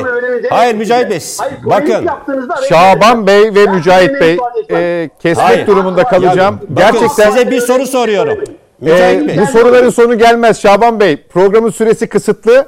Tamamladıysanız Mete Yarar'ın Ama- ve Nedim Şener'in Serhat Bey, hakkına bakın- girdiğinizi bakın- tekraren ifade Hayır, ediyorum. Tamamlamadım. Bakın Lütfen Serhat Bey, AK Parti'nin AK cümleyle Parti'nin tamamlayın. Merkez Lütfen, Karar ve e, Yönetim istirham Kurulu üyesi ediyorum Şa- Şaban Bey. Tamam. Tamam, tamamlıyorum, tamamlıyorum. Sayın Mücahit Birinci, Avukat Mücahit Birinci'ye soruyorum. AK Parti'nin Merkez Karar ve Yönetim Kurulu üyesi olarak Ali Erbaş'ın inanç Bakın hala adalette de olsun. bana, Serhat Bey. kesmek Cevabı zorundayım. Bakın e. Şaban Sözüne Bey ne diyorsunuz? siz görüşünüzü ifade edin. E, artık soru sormayın lütfen. Rica ediyorum. Ta- tamam bitti, bitti benim. Bitti benim. Sorumu yanıtlarsa sevinirim. Teşekkürler. Peki birazdan Beni duymadınız mı? Gelmiyor mu oradan? Rize'den ses gelmiyor mu size? Şimdi Peki. yanıtladım ben. Peki. e, 15 dakikadır sizi yanıtlıyorum. Mete Yarar'a döneceğim. Edremit'teki gösteri bizi nerelere götürdü? Ya şöyle söyleyeyim. Ee, bizim zamanımızda e, normalde e, bu tür etkinlikler özellikle e, resmi bayramlar, kutlamalar gibi etkinlikler benim zamanımda belediye tarafından organize edilmezdi. O kural değişti mi? Ben hala mülki e, amirler tarafından e, organize ediliyor diye biliyorum. Yani belediyeler eğer Belediye ekstra açıklama yaptı. Çağdaş Yaşamı Derneği destekleme derneği tarafından yapıldı diye ama neticede belediyenin şemsiyesi altında gerçekleşmiş. Yani şöyle şey. söyleyeyim. e, ek- başka etkinlikler yapabiliyorlar. Şimdi resmi bir protokol var. Resmi protokolün e, töreni bittikten sonra işte akşamleyin e, fener alayı, e, konserler veya diğer etkinlikler yapılabiliyor. Yani protokol bittikten sonra. Açıkçası e, Bigadiç örneğinde de Edremit örneğinde de e, ikisinde de yani belediye başkanlarının buna nasıl dahil olduklarını ben anlamış değilim. Yani onu bir kenara koyuyorum. Yani ben oyu çözemedim. Yani nasıl olup da onları hani içine kattık onu bilmiyorum. Ay, siz Çağdaş Yaşamı Destekleme Derneği'ne özellikle hani kaynak aktarırsınız, gel bunu yap dersiniz. O başka bir şey. Ama örneğimizi değerlendirirken doğru gitmek lazım. Verilerden doğru gitmek lazım. Beni ilgilendiren şey şu. Tören ne töreni? Kurtuluş günü Edremit'in töreni. kurtuluşu değil mi? Şimdi Edremit'in kurtuluş töreninde neyi e, anlarsınız? Ona uygun bir profilde bir e, gösteriniz olur. Ona onun profilinde bir e, duruşunuz olur. Ona, ona ona uygun bir şey yaparsınız değil mi? Ben şunu anlamadım. E, orada sergilenen, e, yapılan işte ne diyeyim tiyatral e, hareket, gösteri. gösteri neyi anlatıyor ben onu anlamış değilim. Baştan oradan başlayayım. Yani Edremit'te e, çarşaf yani biz Atatürk Türkiye'yi kurtardığında ne yani Edremit'in kurtuluşunda biz neyi kurtardık? Edremit mi kurtuldu? Çarşafa giymiş giydirilmiş olan kadın mı kurtarıldı? Ben onu anlamadım bir türlü. Ya da hangi düşmandan kurtarıldı? Ya Hangi düşmandan kurtarıldı? Hani Düşman düşün- kim? Düşman kim? Ben onu anlamadım. Yani doğru bir şeyi anlatırsınız. Şunu diyebilirsiniz kardeşim. Atatürk e, çağdaş e, yaşam e, çağdaş bir şekilde laikliği getirmiştir. İnsanlar istedikleri kıyafeti giyebilmişlerdir. Bunu dersiniz. Bu buna kimsenin e, ağzını açacak bir durum yok. Zaten gerçekte odur. Ama bunu başka bir şekilde yapmaya çalıştığınızda buradan gerginlik çıkar. Yani çıkmaması gibi durum olamaz. Buradan gerginlik çıkar. Nasıl e, Şaban Bey bazı olayların insanları tetiklediğini düşünüyor. Hani e, özellikle Ali Erbaş örneğini e, özellikle Diyanet İşleri Başkanı'nın konuşmaları örneğini veriyor. Buradan insanlar tetiklenebiliyorlarsa buradan da tetiklenebilir. Buradan da tetiklenebilir. Yani bunu bir defa anlayışla karşılamak lazım. Bunu bunu e, bunu bu şekilde değerlendirmek lazım. Tetiklenmeyi Şimdi- anlayışla karşılamak. efendim? Tetiklenmeyi anlayışla Hayır, o zaman karşılamak. öyle al- o zaman onu da yani burada bir şey yoktur. Ya ne olacak? Yani bunu birisi yapmıştır. E o zaman ona da hayır diyeceksiniz. Kardeşim yaptığınız hareket anlamına, o günün manasına veya diğerlerinin hiçbirine uygun değildir ve bu başkaları tarafından yanlış anlaşılabilir diyeceksiniz. Hani herkes herkesin birbirinin hakkına, hukukuna ya bırakın din olarak. Hani herkes birbirinin kıyafetine e, geride bırakmıştık. Hani Şaban Bey çok güzel bir şey söyledi. 90'lı yılların e, tavrı o dedi. Artık kimsenin kimseyle böyle bir e, polemiği yok dedi değil mi? Ne kadar güzel bunları aşıp buraya kadar gelebilmiş olmak. O zaman peki bu ne? O zaman bu ne? Yani o zaman bununla ilgili insanlar tavır koymak zorunda. Kardeşim siz ne yapıyorsunuz demek zorunda ya. Burada bir yanlışlık yok. Veya buna itiraz edenlere de ya siz buradan çok da şey büyütüyorsunuz demenin de bir anlamı yok. İsterseniz bunu Bigat için söyleyin, isterseniz gidin Edremit için söyleyin. Hiç fark etmez. Benim anlamadığım ikinci noktadan bir tanesi. Özellikle dünyada e, laiklik konusu tartışılırken bugün e, seninle beraber seyrettik. E, en son e, bu soru en son sorulardan bir tanesiydi. E, Ömer Bey'e, Ömer Dinçer Bey'e sorulan. E, laiklik konusunda ne düşünüyorsunuz diye sorduğunda çok net bir şekilde şunu söyledi. E, laiklik anayasanın değişmez bir maddesidir. Korunması için elimizden gelen her şeyi yapacağız. Bizim için de yani bizim tüzüğümüzde de laikliğin olması vardı dedi. Parti tüzüğümüzde vardır. Biz değişmese düşünmüyoruz dedi. Böyle bir teklif bile e, hani yapmak zaten şey de anayasal anlamda bu, aklımızdan bile geçmiyor dedi. Şimdi bunun üzerinden niyet okumaya gerek yok. Hani bazen herkes birbirinin niyetini okuyor ya. Yok arkadaşım farklı bir şey yapmaya gerek yok. Ama ilginç bir şey söyleyeceğim. Dünyada laiklik kavramı nedense son dönemde İslam karşıtlığının bir kılıcı haline getirildi. Bu Türkiye için söylemiyorum. Bütün dünya için de geçerli bu. Yani Fransa'da laiklik deden yani herkesin hayatına, e, yaşam tarzına hoşgörüyle çıkmış, laikliğin ilk kelime anlamında çıktığı, türediği, yaygınlaştığı yer olarak söylenen Fransa, laikliği bir İslam karşıtına dönüştürmüş durumda. Yasakların tamamı kimlere doğru gelmiş durumda? Müslümanlara gelmiş durumda. En son bir şey daha yasakladılar. Sonra fark ettiler ki ondan onu yapan başka bir e, din daha varmış. Yasağı kaldırdılar. Neydi o? Helalet kesimi. Sonra Yahudiler de helalet kesimi yaptıklarını fark edince yasak kalktı. Şimdi biz nereye doğru gidiyoruz? Bizim içimizde e, yani Fransa'daki İslam karşıtlığı veya Amerika Devletleri'ndeki uygulamalar veya diğer ülkelerdeki uygulamalarla e, bizim uygulamalarımız aynı mı olacak? Yok. Yani benim benim benim ülkem laikliği anlama ve e, yaşatma anlamında acı tecrübeleri var ve bu acı tecrübeden çıkartmış olduğu dersler de var. Bu derslerden bir tanesi herkese e, eşit mesafe durmak. Yalnızca kelime anlamı olarak din ve devlet işlerin birbirinden ayrılması değil ki. Din ve devlet işlerin ayrılması değil ki. Eğer öyle olmuş olsaydı ben o zaman şu soruyu sorardım. O zaman kılık kıyafet yönergesinin ne alakası var derdim. Din ve devlet işlerin birbirinden ayrılmasıyla. 80 sonrası gelmiş. Ortaya çıkartılmış bir kıyafet yönerme, yönergesinin din ve devlet işlerini laiklikle nasıl pazarlandığını sorardım ben o zaman. Öyle değil mi? Peki. Yani Türkiye'deki sıkıntı şu. Laiklik hikayesinde önce şu kelime anlamından uzaklaşıp şuraya varalım. Önce herkes birbirine bir saygı, saygılı olsun. Dinen değil, insanen bir saygılı olsun. Bakın demin aşıyla ilgili bir konuyu konuştuk. Pandemi gibi bir e, hani musimetle yaşıyoruz. İnsanlar hayatlarını kaybetti. Bugün de bir sürü insan hayatını kaybetti. O zaman bile şunu söylüyoruz. İnsanların kendi vücutlarıyla ilgili tercih hakları vardır diyoruz değil mi? Bakın ölümlü bir vakada bile buna söylüyoruz. Ya bırakın da insanlar bu tür olayları kendi içlerinde yaşayabilsinler. Biz daha din ve devlet işleri tartışmasının ötesinde normal hayatın içerisinde buna müsaade etmiyoruz. Hayatın içerisinde bu anlayışı göstermiyoruz. Hani bazen diyoruz ya işte devlet dinle arasına mesafe koyamıyor. İşte bunu düzenleyemiyor. E peki normal hayatın içerisinde birbirimize anlayış göstermemiz gereken yerde de gösterebiliyor muyuz? Hani orası sıkıntılı konu sizin kafanızda. Bu taraftaki konuyu ne yapacağız? Buradaki anlayış nerede e, yaşayacağız? Bu anlayışı nasıl şekillendireceğiz?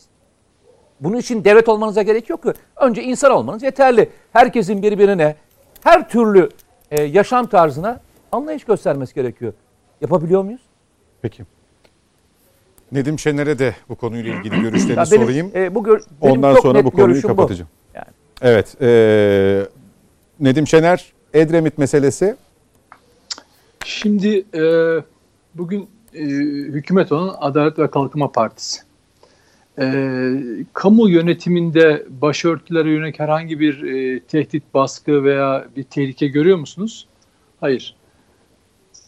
E, tam tersine insanlar kendilerini ifade edebilecek, inançlarını e, yaşayabilecek e, imkanlara kavuştular.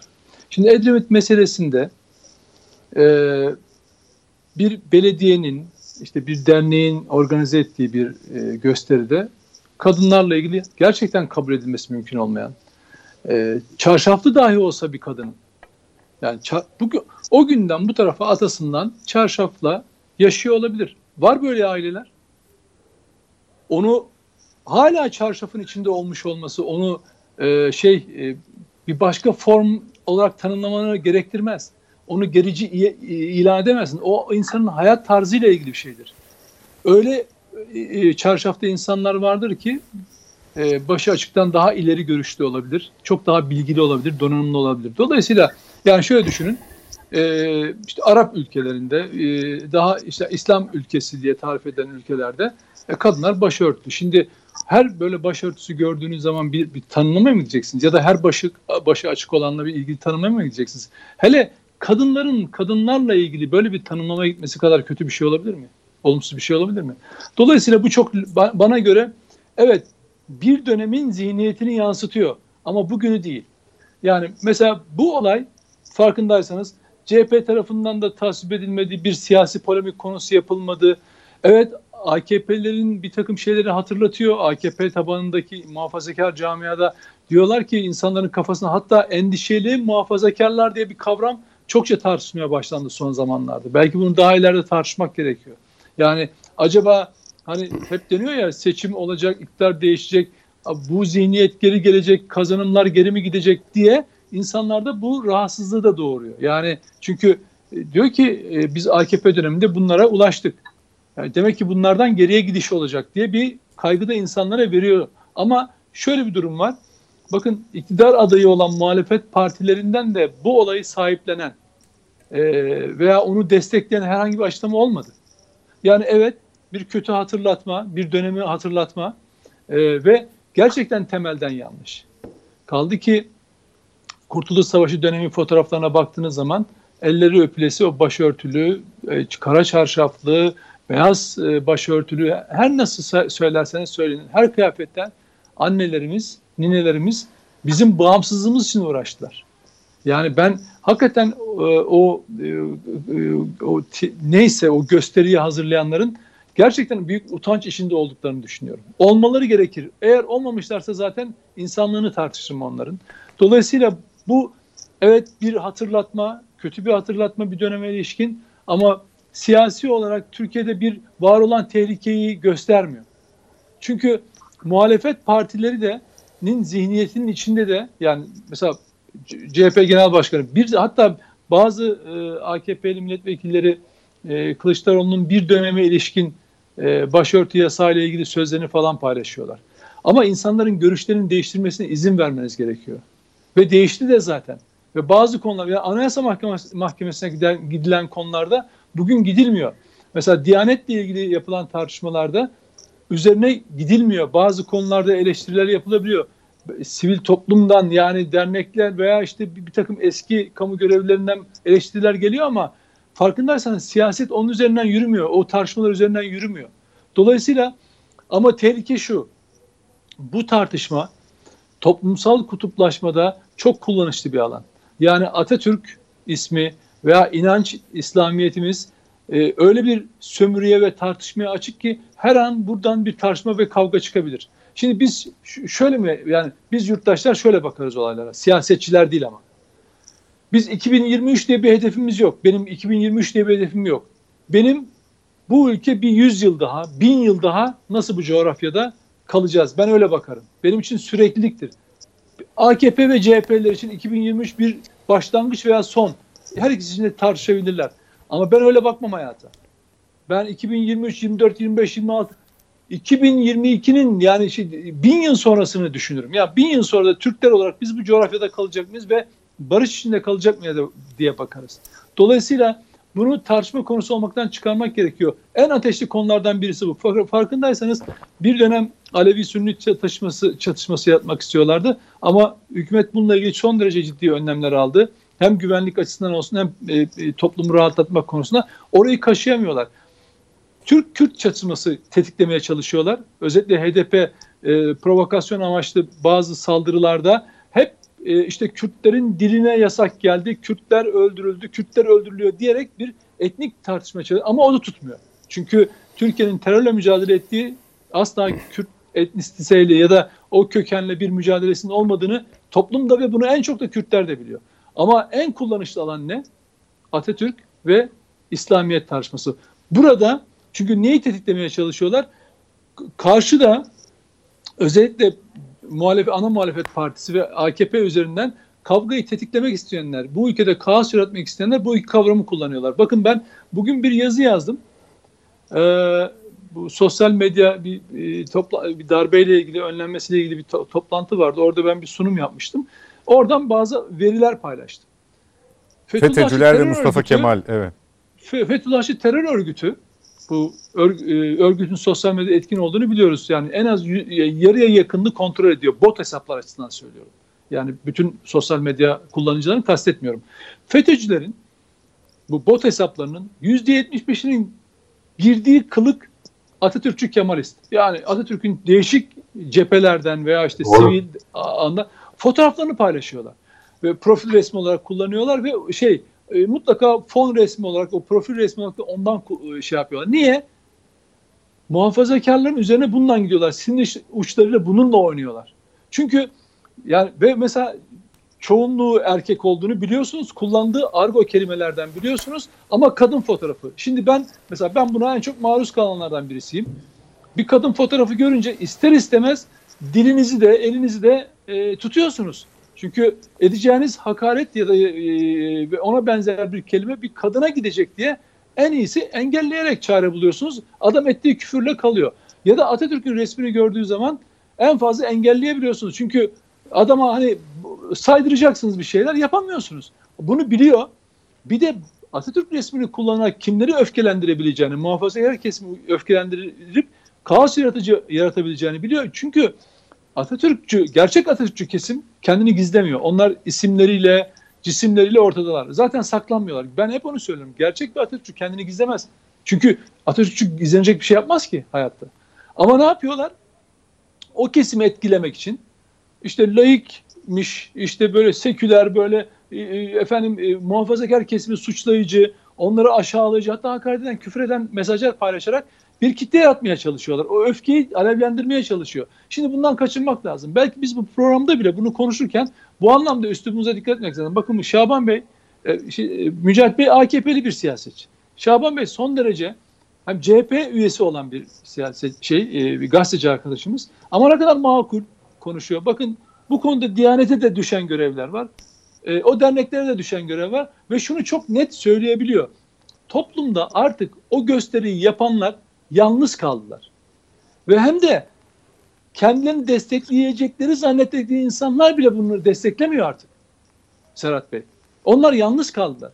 O yüzden birçok konuda mesela siyasetçiler projeleriyle yarışsınlar, birbirlerini eleştirsinler ama çok temel değerlerimiz olan toplumumuzun tamamına yakınının e, sevdiği Mustafa Kemal Atatürk veya hepimizin e, bir e, ümmeti olmaktan duyduğumuz değil mi? Bir ferdi olmaktan duyduğumuz, Müslüman olmaktan duyduğumuz gururla bunlar bizim ortak paydalarımız deyip beraber yaşayacağız. Çünkü iktidarlar gelir geçer ama bu iki şey hiç değişmeyecek bu ülkede. Çünkü değiştiği an bilin ki çok şey kaybettiğiniz andır. Yani bu iki hem kendi inancını hem de bu ülke kuruluş felsefesini ve kurucusunu unuttuğu an her şeyini kaybeder. Çünkü neden biliyor musunuz? Biz e, 600 yıllık bir Osmanlı İmparatorluğundan sonra bir millet şuuru yaratan e, bir liderin sayesinde bugün konuşabiliyoruz. Bakın muhafazakar camiada ve laik kesimde Atatürk'ü kullanan yobaz iki kesim var.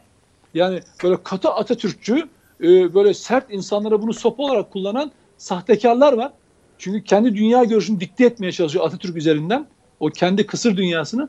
Bir de Atatürk'ten insanları soğutmaya çalışan, nefret ettirmeye çalışan yobazlar var. İki türlü. Biz evet. bunlardan kaçınacağız. Çünkü Atatürk bakın Samsun'a çıkarken, daha önce de konuştuk bunu. Geçen e, 30 Ağustos'un e, akşamıydı yanılmıyorsam değil mi? Ne anlatmıştık? Samsun'a çıkarken güvendiğim tek şey bu milletin içindeki kurtuluş arzusuydu. Çünkü niye?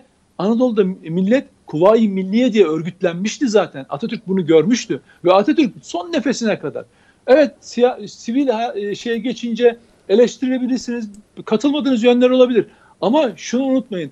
Bize bu ülkede Türk olmanın onurunu yaşatan e, bir bir liderden bahsediyoruz. Dolayısıyla bu tartışmalardan Peki. kaçmak lazım. Dinimiz üzerinden ve Atatürk üzerinden tartışmalara girmemek lazım bence.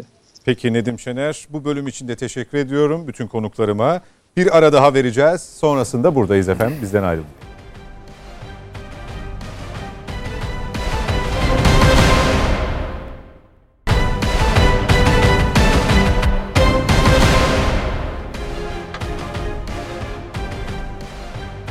Yeniden birlikteyiz efendim. Devam ediyoruz Net Bakış'a. Ee, bu bölümde biraz siyasetin gündemine değineceğiz. Daha sonra diğer konuklarımıza veda edip İdlib konuşacağız harita üzerinde Mete Yarar'la. Biliyorsunuz İdlib'de bir hareketlilik söz konusu. Şehitlerimiz var. Bunun sebepleri ve kimlerin bu saldırıları gerçekleştirdiğine yönelik e, detayları konuşacağız, tartışacağız Mete Yarar'la. E, Sayın Birinci, e, İstanbul Büyükşehir Belediye Başkanı e, Sayın Ekrem İmamoğlu'na Cumhurbaşkanlığı adaylığı ile ilgili bir soru yöneltildi. E, ve kendisi de e, bu konuyla ilgili ilk defa bu kadar net e, Millet İttifakı'nın adayı konusu tartışılırken bir açıklama yaptı. Ben e, özetle şu anda İstanbul Büyükşehir Belediye Başkanıyım. Bu durumda bana düşen belediye başkanlığını en iyi şekilde yapmaktır. İstanbul'da tarihin en başarılı belediye başkanı olmaktır. Ötesi yok. E, bunu gerçekleştirirsem şayet e, zaten değişim olacaktır. E, o meşhur sözü hatırlatıyor İstanbul'u alan Türkiye'yi alır tezine diyor. Damga vuracağım diyor.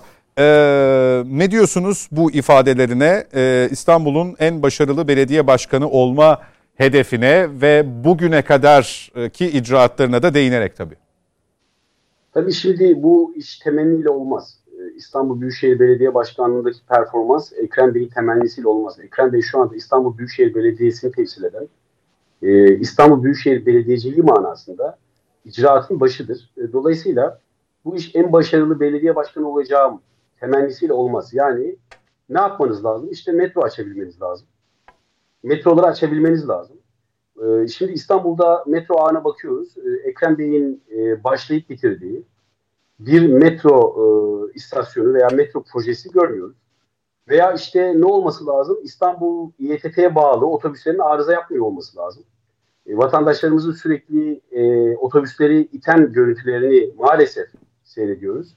E tabii biz e, temenni ederdik ki İstanbul'umuz adına temenni ederdik. Yani burada gerçekten e, vatandaşlarımızın rahatlığı bakımından, İstanbulluların rahatlığı ve refah bakımından İstanbul Büyükşehir Belediyesi'nin yönetenlerin bu noktada başarılı olmasını isterdik. Bizim meclis grubumuz, AK Parti meclis grubu da bütün e, hayır işlere e, destek vermişlerdir. Meclis e, yılı boyunca destek vermişlerdir. Hatta borçlanma ihtiyaçlarını karşılama noktasında borçlanma ihtiyaçlarının lehine parmak kaldırmışlardır. Çok az bir kısmını reddetmişlerdir. O da kamu yararlı olan kısımları reddetmişlerdir.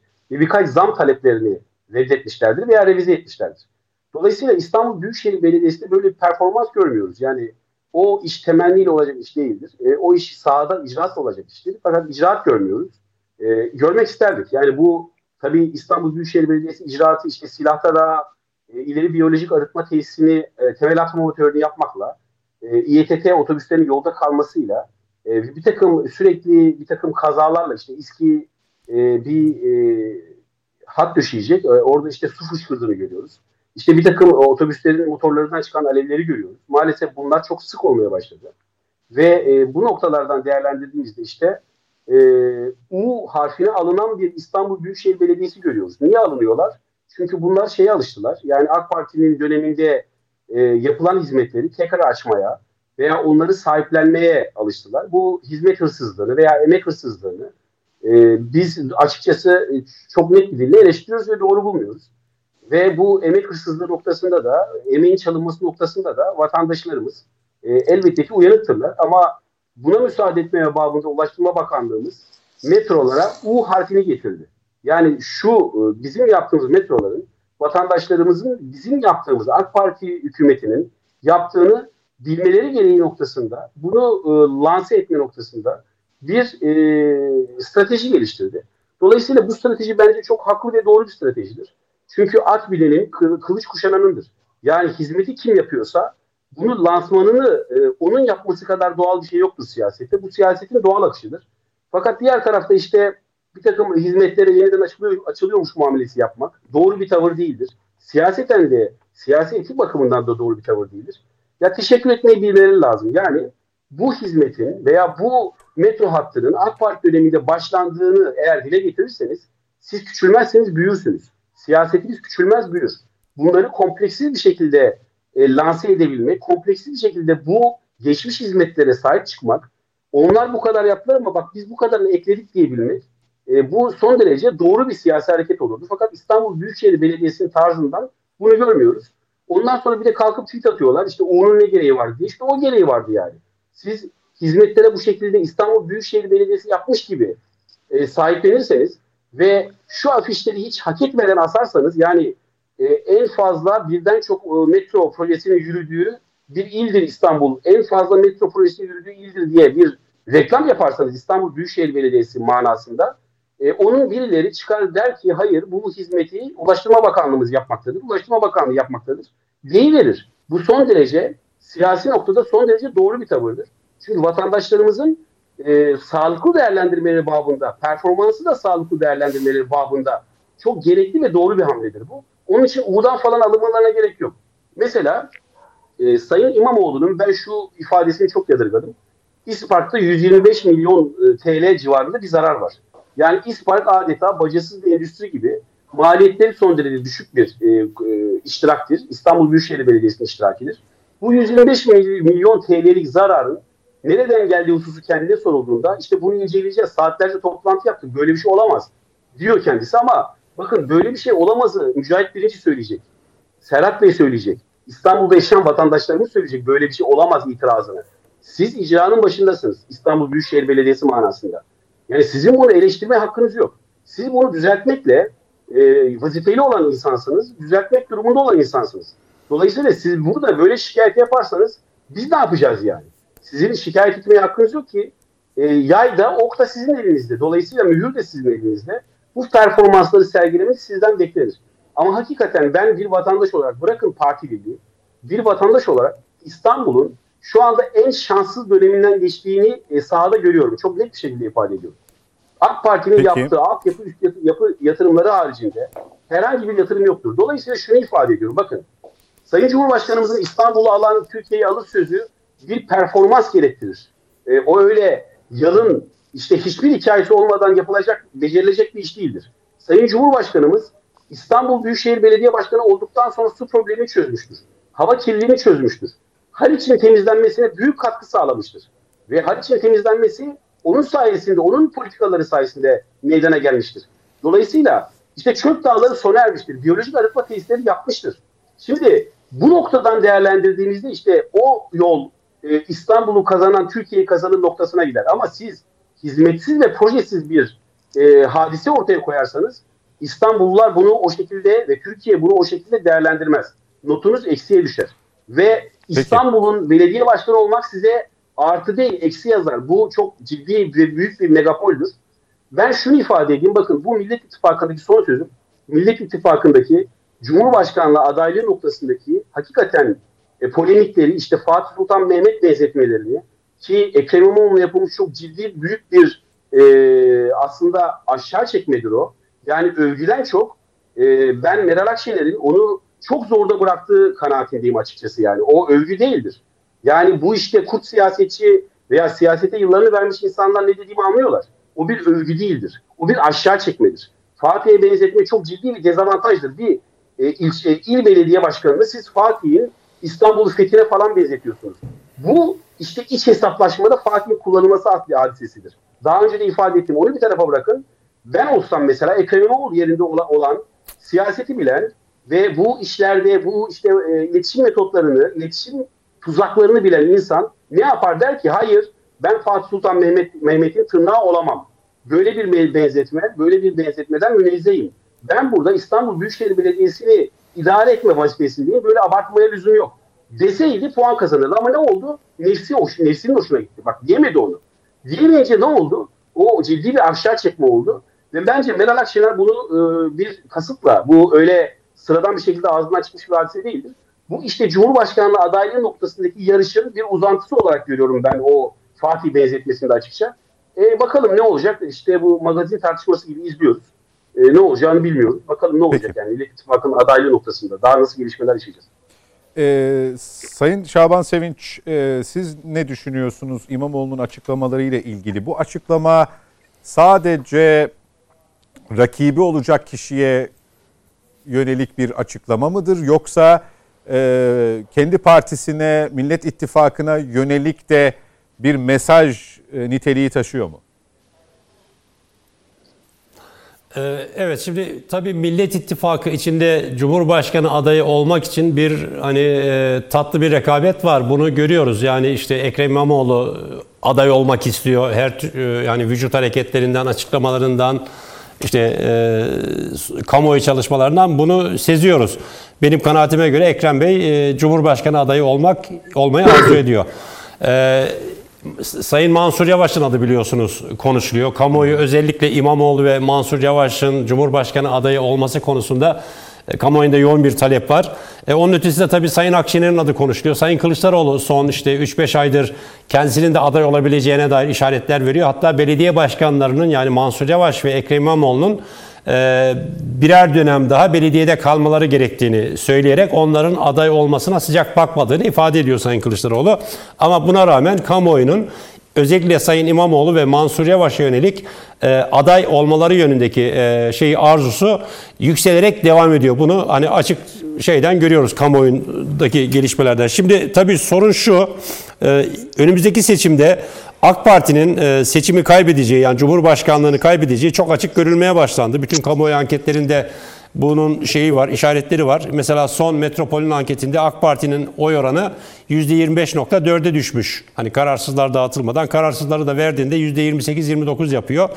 E, dolayısıyla e, kamuoyu da bunu almaya başladı. Yani AK Parti'nin ee, önümüzdeki seçimde e, seçimleri kaybedeceği, Cumhurbaşkanlığının muhalefete geçeceği şeklindeki kanaat kamuoyunda e, şey yapılıyor yani yaygınlaşıyor.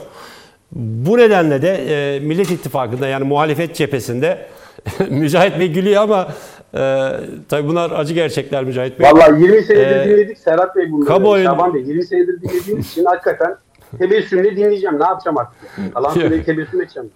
Şaban Bey'in bir gözü sizde e, Mücahit Bey. Güldüğünüzü gördüğüne göre. öyle olsun. Öyle olsun. Devam edin lütfen Sayın Sevinç. Şimdi şimdi şimdi yani bu AK Parti'nin seçimi kaybedeceği, 2023 seçimini kaybedeceği hani genel bir e, kabul olarak kamuoyunda da oturmaya başladı. Anketlerde nitekim bu çıkıyor. Yani AK Parti'ye yakın e, araştırma şirketleri bile muhalefet adayının seçimi kazanma olasılığı bulunduğunu söylüyorlar. Yani AK Partili olarak bildiğimiz araştırmacılardan bile ben bunu kulaklarımda duydum televizyon tartışmalarında. Dolayısıyla e, yeni Cumhurbaşkanının kim olacağı konusunda muhalefet cephesinde hani bir rekabet başladı. Rekabetten söz edebiliriz. E, bu çerçevede Ekrem İmamoğlu işte geçtiğimiz hafta politik yoldan Ali Haydar Fırat'a verdiği mülakatta işte benim işim dedi en İstanbul'un en başarılı gelmiş geçmiş en başarılı belediye başkanı olmak. Zaten İstanbul'da başarılı olunca hani Türkiye'de değişime e, katkı yaparız. Türkiye'deki değişimin önünü açarız şeklinde hani mealen bir ifadede bulundu. Dolayısıyla e, bu çerçevede Ekrem İmamoğlu çalışmalarını sürdürüyor.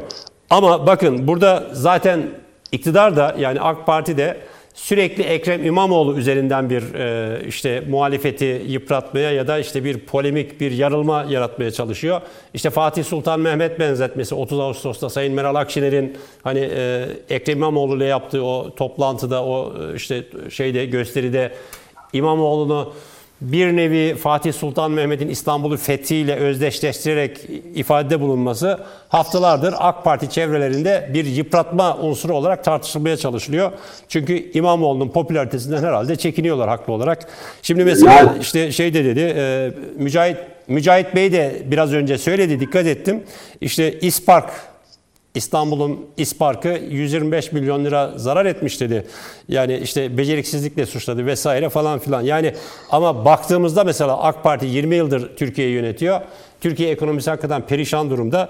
Yani İspark'ı e, Ekrem İmamoğlu zarar ettirdi diye İmamoğlu'nu eleştiren AK Parti hazinedeki 128 milyar dolarlık rezervi kaybettiğini ve eksi 40 milyar dolara düşürdüğünü rezervi unutturmaya çalışıyor. Böyle de bir şey var, gerçek var. Zaten Sayın bu gerçeklikler nedeniyle yani artık 20 yılın sonunda 20 yılın sonunda ekonomide, sosyal hayatta, işsizlikte perişan bir e, tablo içinde olduğu için AK Parti'nin kamuoyundaki popülaritesi düşüyor ve işte önümüzdeki seçimde muhalefetin göstereceği adayın bu İmamoğlu olur, işte Akşener olur, Mansur Yavaş olur, ne bileyim sürpriz Muharrem İnce olur belki. Belki Sayın Kılıçdaroğlu Muharrem olur. İnce mi? Ee, Cumhurbaşkanı yani sü- sürpriz sürpriz yani o da sonuçta hani adaylığını aday olacağını söylüyor. Hani geniş muhalefet olarak görüyorum. Millet İttifakı olarak değil de geniş muhalefet. Yani fazla ihtimal vermiyorum ama sürpriz o. O da adaylığını açıkladığı için diyorum. Ee, Burada bence soru şu, muhalefetin Şaban çıkaracağı Bey. aday Şaban Bey, Millet İttifakı Sayın İmamoğlu'nu aday göstermezse, bir başka ismi gösterirse Sayın İmamoğlu ne yapar? Sizce? CHP Genel Başkanı yani olur. bir, bir kriz yaratmayacaktır. Ya bir bir kriz yaratmayacaktır. Yani pa- partisinin vereceği karara uyacaktır Ekrem İmamoğlu. Hani ben bir kriz beklemiyorum. Yani partim beni aday göstermedi. Öyleyse ben hani 100 bin imza toplayıp bağımsız gireceğim diye bir yola sapacağını sanmıyorum. Ekrem İmamoğlu parti kültürünü bilen ve parti hiyerarşisi içinde hani işte önce Beylikdüzü ilçe başkanı, sonra belediye başkanı, sonra İstanbul Başka- Belediye Başkanı oldu. Yani o şeyi bilen, hiyerarşiyi bilen, o kültürü bilen bir kişi. E, Bundan sonra da partisiyle çatışacağını düşünmüyorum ama kamuoyunun baskısı, kamuoyunun talebi e, muhalefetin Cumhurbaşkanı adayı o belirleyecektir. Yani Cumhuriyet Halk Partisi Genel Merkezi ya da Millet İttifakı partilerinin genel başkanları oturup da kamuoyunun e, talebinin ya da beklentisinin ya da arzusunun dışında e, biz şu kişiyi aday gösteriyoruz deme lüksüne sahip değiller diye düşünüyorum. Bunu 2018'de Cumhuriyet Halk Partisi denedi. Yani Cumhuriyet Halk Partisi 2018 seçimlerinde biliyorsunuz Abdullah Gül'ü Cumhurbaşkanı adayı olarak, e, ortak aday olarak e, Saadet Partisi'nin talebi üzerine e, çıkarmaya çalıştı. Ancak hem Cumhuriyet Halk Partisi tabanından yoğun tepki aldı hem de Meral Akşener'in, Sayın Akşener'in e, olumsuz yaklaşımı nedeniyle Abdullah Gül'ü aday gösteremedi. Yani o e, dolayısıyla hani kamuoyundaki beklentinin aksine bir karar alacağını ben Cumhuriyet Halk Partisi Genel Merkezi'nin Peki. ya da Millet İttifakı'nın ya da muhalefet cephesinin geniş olarak ihtimal vermiyorum. Bu çerçevede İmamoğlu ve Mansur Yavaş'ın popülaritesinin de e, dikkatle takip edilmesi gerektiğini düşünüyorum. Yani o popülarite yükseldikçe ona rağmen e, parti genel merkezlerinin bir karar alacaklarını sanmıyorum. Peki. Nedim Şener, İmamoğlu'nun, Sayın İmamoğlu'nun Cumhurbaşkanlığı adaylığı açıklaması. Şimdi e, İstanbul'u alan e, Türkiye'yi alır veya işte buradaki başarıdan bahsediyoruz. E, yani hafızamız bizi e, şey yapmasın yani e, yanıltmasın. Şimdi Ekrem İmamoğlu İstanbul'u nasıl aldı ya da nasıl İstanbul Belediye Başkanı oldu? PKK'nın siyasi uzantısı HDP'lilerin Sezai Temel'in ağzından söylüyorum. Ee, Batı'da AKP'ye kaybettireceğiz, Doğu'da kazandıracağız demesiyle değil mi? Yani bakın yani ben Cumhuriyet Halk Partisi'nin emektarlarına, o partiye gönül vermiş insanlara yani çok büyük saygı duyuyorum. Çok vatansever, milliyetçi insanlardır. Ben tanıyorum çoğunu. Ama bu kutuplaşma ortamında öyle yerlere savruldular ki, öyle bir yerlere sav. Ben yıllardan beri aynı şeyi söylüyorum. Şaban şahittir. Yıllardan beri aynı şeyi söylüyorum. Ee, ama insanların HDP'ye karşı tutumu belli. Şimdi İmamoğlu istediği kadar başarı hikayesi yazmaya çalışsın. İstediği e, ajansla çalışır çalışsın. HDP'lileri kızdıracak en ufak bir söz veya davranış onun da siyasi hayatını bitirir. Millet İttifakı'nın projesini de çöpe atar. Şimdi dolayısıyla kimse kimseye tiyatro oynamasın siyasette. Burada bir matematik hesap var. Bakın Büyükşehir Belediyesi'nde işte başarı Türkiye'de iktidarı getirecektir. Eğer öyle olsaydı AKP bu dönemde e, şeyi e, İstanbul Büyükşehir Belediye Başkanlığı'nı alırdı. AKP belediyede başarılı gitti. Son başkan da başarılı gitti. Hatta şu anda İmamoğlu onların yaptıkları üzerinden yürüyor değil mi sürekli? Hatta bazı tesislerin temel atmama törenlerini yaptı. Yani temel atacaktı, temel atılacak şeyi iptal etti. Bakın demek ki başarılı olmak yani İstanbul Büyükşehir Belediye Başkanı'nda AKP'nin başarısı vardı. Ama başarılı olmak bir de tersine e, belediye başkanlığını kaybettirdi. Bu nasıl oldu? Başka nedenlerle oldu. Çünkü karşınızda matematiksel bir bütünlük var. İçinde HDP'nin olduğu, İyi Parti'nin olduğu, CHP'lilerin olduğu, diğer işte Saadet Partilerinin olduğu bir matematik bütünlük var. Tek bir hedef var. Sezai Temelli'nin söylediği gibi Batı'da kazandırmak, onların tabiriyle söylüyorum Kürdistan'da kaybettirmek üzere. Tamamen buna odaklanmışlardı. Şimdi hal böyleyken yani formül bu kadar basit ve anlaşılırken kimse kimseyi aptal yerine koymasın. Bizi izleyenleri de kimse aptal yerine koymasın. Yani oturup Aa adamlar başarılı şu yaptı falan. Bir şey yaptığı falan yok. Yapmasına da gerek yok. Bakın İmamoğlu'nun hiçbir şey yapmasına gerek yok. Bu kutuplaşma ortamında gülücükler dağıtsın, kalp işaretleri yapsın. insanlara dokunsun, işte sevimli görünsün. Ee, seçilecek zaten. Yani alacağı oyu bir aşağı bir yukarı alamaz. Yani Kılıçdaroğlu'da olsun, Muharrem İnce'de olsun, kim olursa olsun, başka adaylarda olsun bu kutuplaşma ortamında bir Millet İttifakı'nın adayı olacak, bir Cumhur İttifakı'nın adayı olacak ve bu oran isimlere bağlı olarak değişmeyecek. Yani belki Abdullah Gül ismine dayatırlarsa bazen CHP seçmeni itiraz ediyor falan ama onlar da ikna edilebilir. Denir ki ya işte fırsat geldi ayağımıza kardeşim bak bir kere olsun bunu yapın. Çünkü HDP'ye bakın HDP'ye eyvallah eden niye Abdullah Gül'e etmesin ki? HDP kim? PKK'nın siyasi kolu. Bir gün olsun şeyi suçlamamışlar. PKK'yı suçlamamışlar. Öcalan'a özgürlük deyip duruyorlar. Bunu kabul ediyorsan Abdullah Gül niye kabul etmeyeceksin? Ben bunu niye anlatıyorum biliyor musunuz? Yani kimseyi suçlamak için falan değil.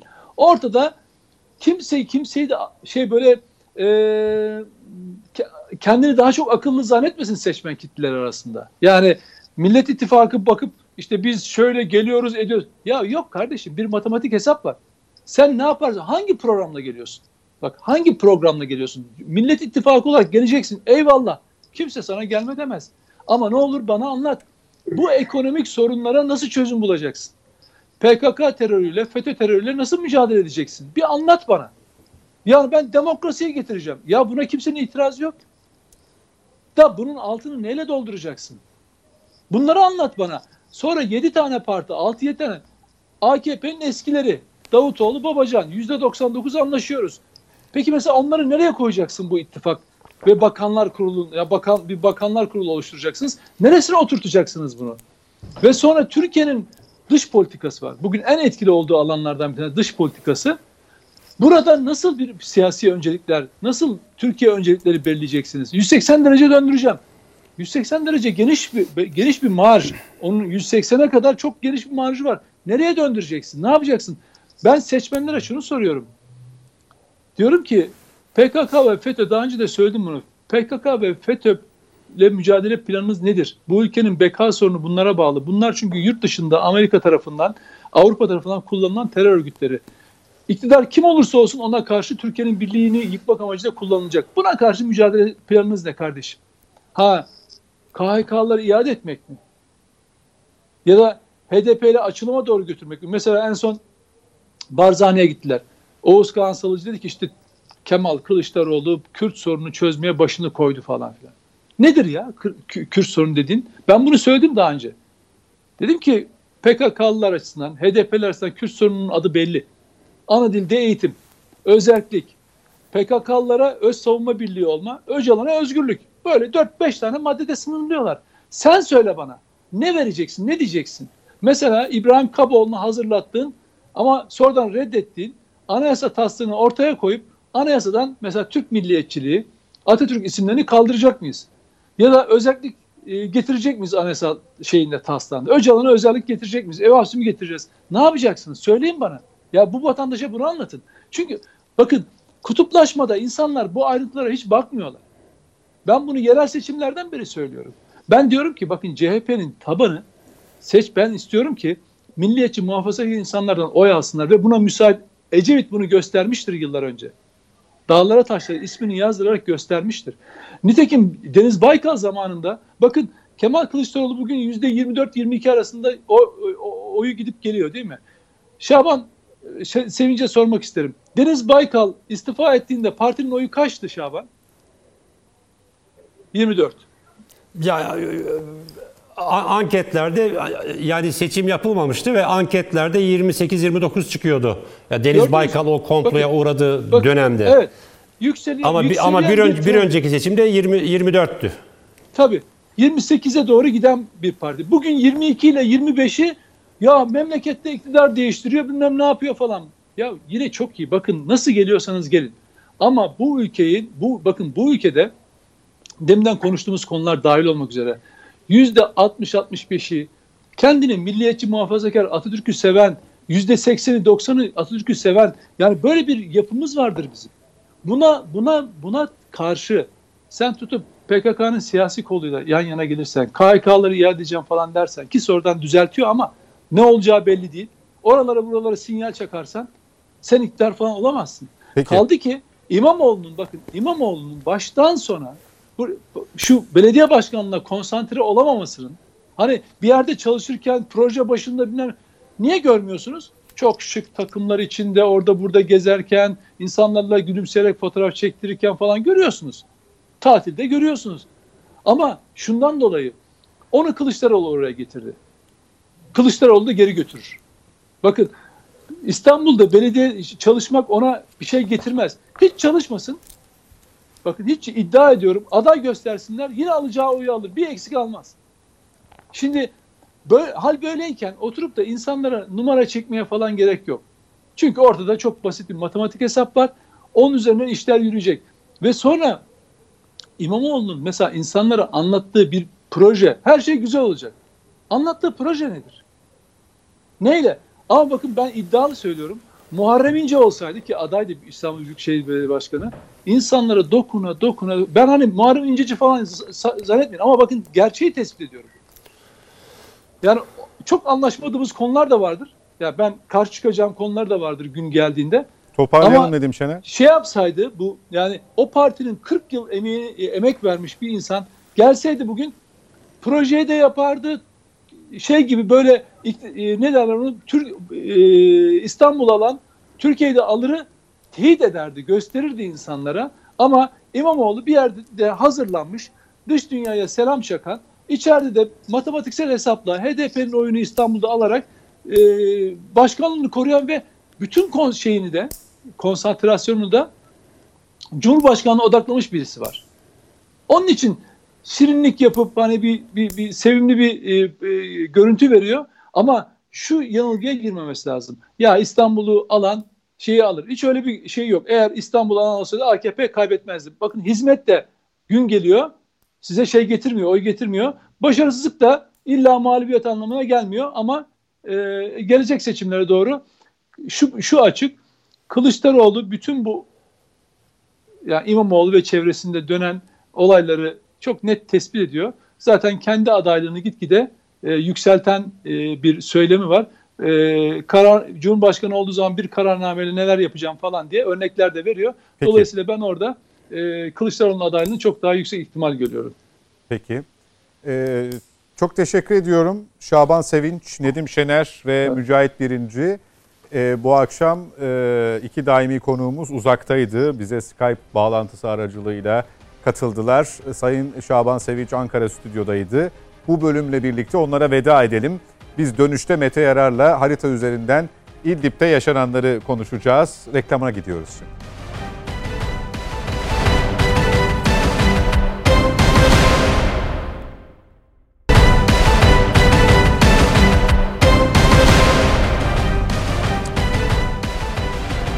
Evet yeniden birlikteyiz. Son tura giriyoruz artık. Mete Yarar'la İdlib'i konuşacağımızı söylemiştik. Neden?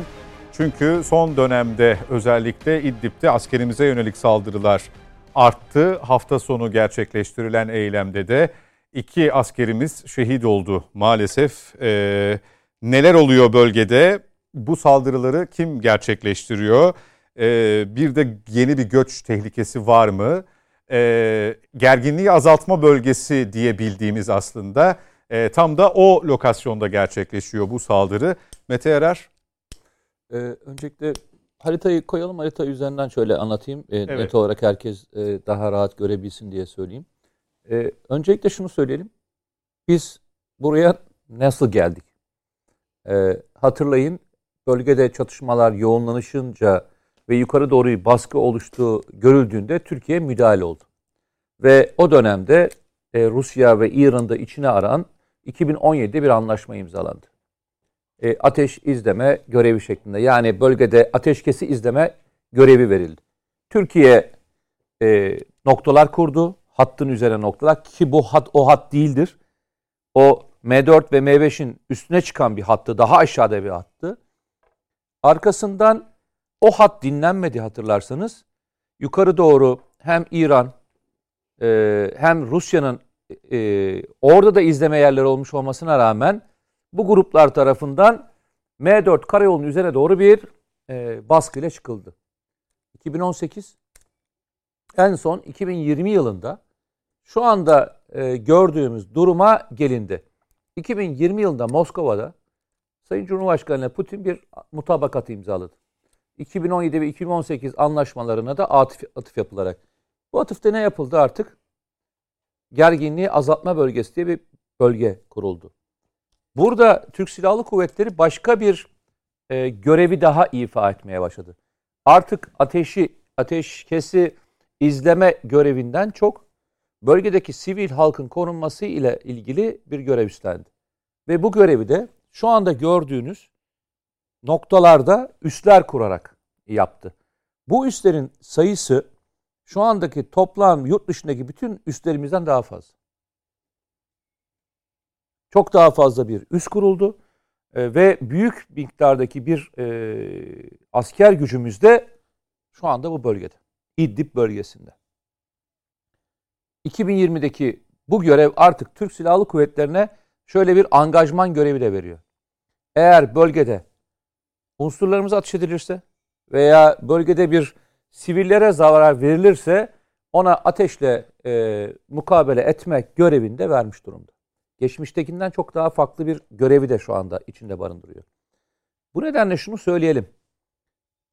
Şu haritanındaki e, yoğunluğa ve e, diğer e, konulara baktığınızda açıkçası İran ve Rusya ve e, bölgede bulunan diğer milisler açıkçası bunu dinlemek gibi bir niyetleri yok. Ama bir bu olayın yalnızca e, bu tarafı o. Bir de iç tarafı var. İdlib harekat bölgesi bizim diğer üç harekat bölgemizden çok farklı. Yani Fırat Kalkanı, Zeytin Dalı Harekatı, Barış Harekat bölgesinden çok farklı bir konumda. Diğerlerinin tamamında e, Türkiye silahlı grupları temizleyerek girdi bölgeye. Bölgenin tamamen emniyetini aldı ve asayişi sağladı. Ama burada öyle değil. Burada içeride hiçbir şekilde kontrol kabul etmeyen gruplar var. Ve bu gruplarla bir temizlik yapılmadı. Bölgeye yalnızca sivilleri korumak girdi. Bu bölgenin özelliği ne peki? İdlib bölgesinin özelliği ne?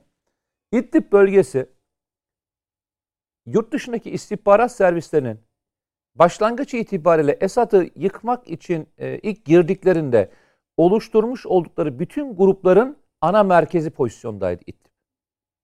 Yani Birleşik Arap Emirlikleri'nde, Suudi Arabistan'ında, Amerika Birleşik Devletleri'nde, işte İngiltere'nin de, Fransa'nın da bölgede istihbarat servisleri tarafından kurulmuş olan bütün örgütler hala orada duruyor. Orada duruyorlar. Yurt dışından El-Kaide ve diğer benzeri unsurlarla gelenler de orada duruyorlar. Dışarıdan fonlanan, Esad tarafından, İran tarafından fonlanan hücreler de orada duruyor. Ve hepsi orada.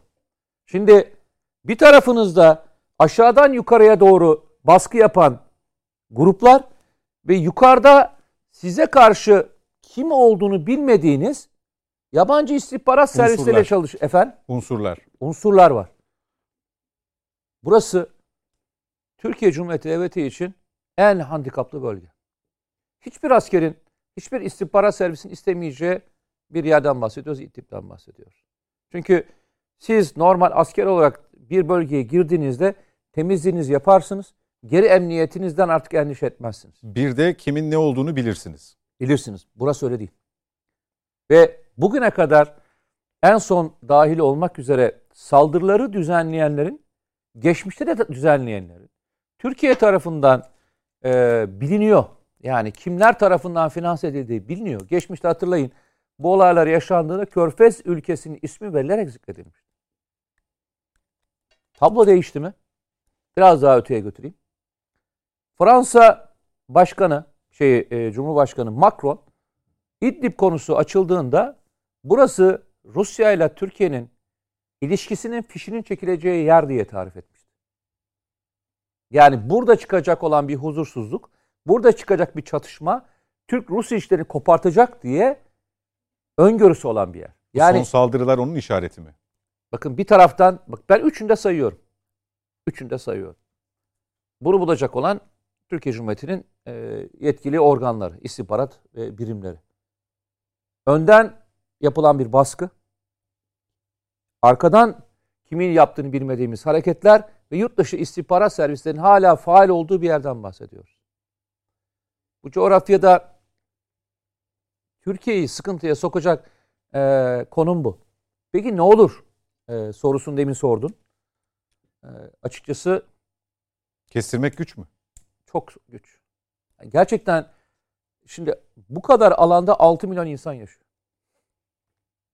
6 milyon insanın arasından bunu yapmanız, temizlik yapmanız mümkün değil. Kim kimdir bulmanız çok zor. Örgütler birbirinin içine girmiş. Örgütün içinde örgütçükler var. Örgütün içinde başka bir örgütçük daha var. Alta alta giden hani o e, matruşka, matruşka gibi çıkarttığında altından ne çıkacağını bilmediğin bir yapıdan bahsediyoruz. Ve o yüzden de dikkat et bizim son verdiğimiz şehitlerin tamamı ya Elbap Harekat Bölgesi'nde yani Fırat Kalkan Fırat Harekat Kalkan. Bölgesi'nde ve bu İdlib, İdlib ve Zeytin Dalı Harekat Bölgesi. Sebebi ne? Çünkü tam bunun ortasında Halep var. Halep etnik ve mezhepsel anlamda bütün e, sistematik anlamda sürgünlerin yaşadığı yaşandığı bir yer. Ve tam onun ortasında PKK denen bir örgüt var. Buradan bir taraftan Elbaba, bir taraftan e, Afrin Harekat Bölgesi'ne, bir taraftan İdlib Harekat Bölgesi'ne kadar etki edebiliyorlar. Buradan başlayıp yani Halep'in hemen e, hattından başlayıp, İdlib hattından başlayıp Münbiş hattına kadar 10, bin, 10 bine yakın belki biraz daha az olabilir. Örgüte yakın, örgüt tarafından finanse edilen, örgüt tarafından desteklenen grupların olduğu bir yerden bahsediyoruz. Münbiş, Münbiş dahil olmak üzere. Şimdi diyeceksiniz ki Münbiş Ruslara verildi. Yok öyle bir şey. Münbiş Ruslara verilmediğini nereden biliyoruz? Bölge halkının, PKK'nın bölgedeki insanları asker alma, onların tabiriyle, zorla silah altına almasından biliyoruz. İsyanı Ruslara yapmıyorlar. PKK terör örgütü ve PYD'ye yapıyorlar. Hala bölgede cirit atıyorlar. Hala bölgede eylem yapabilme potansiyeline sahipler. Kime rağmen yapıyorlar? Bir tarafta Fırat'ın doğusunda çatıştı, çatışıyormuş gibi gözüktükleri İran, Rusya ve kime karşı? Suriye rejimine karşı. Yok. Fırat'ın bat- batısı farklı bir denklem. Fırat'ın doğusu farklı bir denklem. Yani Fırat'ın batısındaki düşmanlarla Fırat'ın doğusundaki düşmanlar aynı değil onların gözünde. Peki biz Suriye gündeminde İdlib'i daha çok mu konuşacağız önümüzdeki günlerde? Bu saldırıların ardından e, sevkiyatlar da arttı zannediyorum. Şimdi şöyle bölgeye. söyleyeyim. Sevkiyatlar arttı ama bu değişim anlamında da artıyor. Yani hemen oraya büyük askeri yığınak yapıldığı anlamında değil. Belli zamanlarda periyodik olarak personel değişimi de yapıyoruz. İkmal de gidiyor. Yani her bölgeye giden aracı, araçları e, bölgeye takviye yapıyor diye. Ekstra Zaten burası bakın bu alan birbirini destekleyecek şekilde tertiplenmiş üzere yapıldı. Yani bu harekatın en kapsamlı, en kötüsüne göre hazırlandı. Bunun için ekstra bir birlik kaydırması yapılmaz burada. Ekstra olarak ben bir birlik kaydırması beklemiyorum. Zaten bakın şu yoğunluğunu görüyorsunuz. Yani bölgede yoğun bir askeri üs var. Yani bölge çok yoğun bir asker. Buna ekstra olarak üsler kurmanın artık bir mantalitesi yok. Bunu nereden, nasıl korursunuz? SİHA'larınızla, ateş destek vasıtalarınızla. Çünkü menzil itibariyle Türkiye'nin içerisindeki topçularınızla ateş destek verebilirsiniz. yani bu sevkiyatı orayı bir, bir kez daha altını çizelim. Bir e, eksiklikle bir Değil. e, yetersizlikle ilgisi yok. Yok, hayır. Zaten burası en zor şartlara göre e, tertiplendi. Şu anda bunu ekstra olarak malzeme takviyesi, belki hava savunma sistemlerinin gönderilmesi olarak de- değiştirebilirsiniz. Buraya çok daha büyük bir asker yığmanın bir artık mantalitesi, mantalitesi yok. Çok daha asker, çok daha büyük sıkıntı yaratır. Bu zaten denklem bunun üzerine kurulmuştu ve bu dört denklem şu anda hayata geçirilmiş durumda. Bundan sonra ne yapılır sorusu Denklemden kastım Fransa'nın söylediği yok. Yani şimdi e, askeri harekatlarda veya planlamalarda siz en kötü senaryoya göre yaparsınız. Yani şöyle bir senaryonuz olmaz. Ya Rusya ile aramız çok iyi zaten. Yani İran zaten hani komşumuz. Burada bize bir şey yapmazlar. Yani burada iki tane karakol kuralım. Üzerine teşkilatlanmazsınız. En kötü senaryoya. Yani size potansiyel anlamda bütün cephelerden bir saldırı olduğunu, hava, kara vasıtalarıyla saldırı olduğunu, hatta içeriden de size saldırı olduğunu düşünür. Ona göre planlamanızı yaparsınız. En kötü şart ta göre yığınaklanmanızı yaparsınız. Buradaki şartların tamamı ona göre düşünülmüştür. Başka türlüsünü düşünemezsiniz. Çünkü bir e, sıcak çatışma anında birlik kaydırmanız falan mümkün olmaz. En kötü, en iyi zamanda yaparsınız. En kötü senaryoyu ya hazırlığınız olur. Olmazsa sizin için e, büyük avantajdır. O yüzden de ben ekstra bir birlik gittiğini, ekstra bir birlik kaydırıldığını falan açıkçası düşünmüyorum. Böyle bir e, şeyim yok. E, durum olduğunu düşünmüyorum. Ama birlik değişimleri, personel değişimleri. Çünkü buranın özelliği şu. Diğer harekat bölgelerinde personeller izne gidip gelebiliyorlar. Alan çünkü temiz. Bu alanda saldırı olabileceğini bilindiği için birlikler gidildiğinde görev süresi boyunca orada kalıyorlar. Görev bitinceye kadar değişim olmuyor. Bunun iki tane sebebi var. Saldırıya karşı açık olduğu için. İkincisi koronavirüsten dolayı. Devamlı gidip gelen birisi olduğunda eğer e, birisi korona olursa o kapalı alanda herkes korona olacağı için tam tecrit ortamına yaratılmaya çalışıyor. Özellikle İdlib Harekat Bölgesi için söylüyorum bunu. bundan Ben sonrası çok için- endişeliyim. Başka ben ne söyleyeyim? Ben endişeliyim. Yani endişemi de söylüyorum. E, bunun en büyük sebeplerinden bir tanesi birbirine birbirinden intikam almaya çalışanlar. Birbirine hesap sormaya çalışanlar. Siyasi ve politik hesaplar. istihbarati hesaplar. Bölgesel dengeler anlamında herkesin hesap yaptığı yer İdlib'in kendisi şu anda. Herkes Türkiye ile ilgili hesap yapmıyor. Ama bütün hesaplar İdlib'de yapıldığı için hesap hesabın içine siz de yer almak zorundasınız. Çünkü masada siz varsınız. Buranın iki tane garantör devleti var. İki tane garantör devlet anlaşma yaptı. Ee, Mart 2020'de Moskova'da. Dediler ki İdlib'in güvenliğinin sağlanmasından Türkiye ve Rusya garantör olarak sorumludur dedik. O yüzden bu bölgede yaşanacak olan her türlü e, ekstra maliyetin yükü Türkiye'nin üzerine çıkacak. Bir taraftan. Bölgeden çekilseniz 6 milyon insanın nereye doğru geleceğini bilmiyorsunuz. Kalsanız hesabı olanların bu bölgedeki hesaplaşmasında e, oradaki askerlerimizin durumun ne olacağını endişesini yapıyorsunuz. O yüzden e, çok yönlü bir Evet durum göç, İdlib'de. göç riski de var evet. yani bu bütün denklemlerin içerisinde gözümüz kulağımız İdlib olacak ama Fırat Kalkan Harekat Bölgesi'nde yaşanan son saldırı. Ee, İdlib'deki saldırılar, Zeytin Dalı Harekat Bölgesi'ne Afrin'e yapılan roket saldırıları gösterdi ki e, teknik yardım alıyorlar. PKK ve diğer unsurlar teknik yardım alıyorlar. Nereden aldığı da belli tabii. İstihbarat desteği alıyorlar. Yöntemleri çok teknik.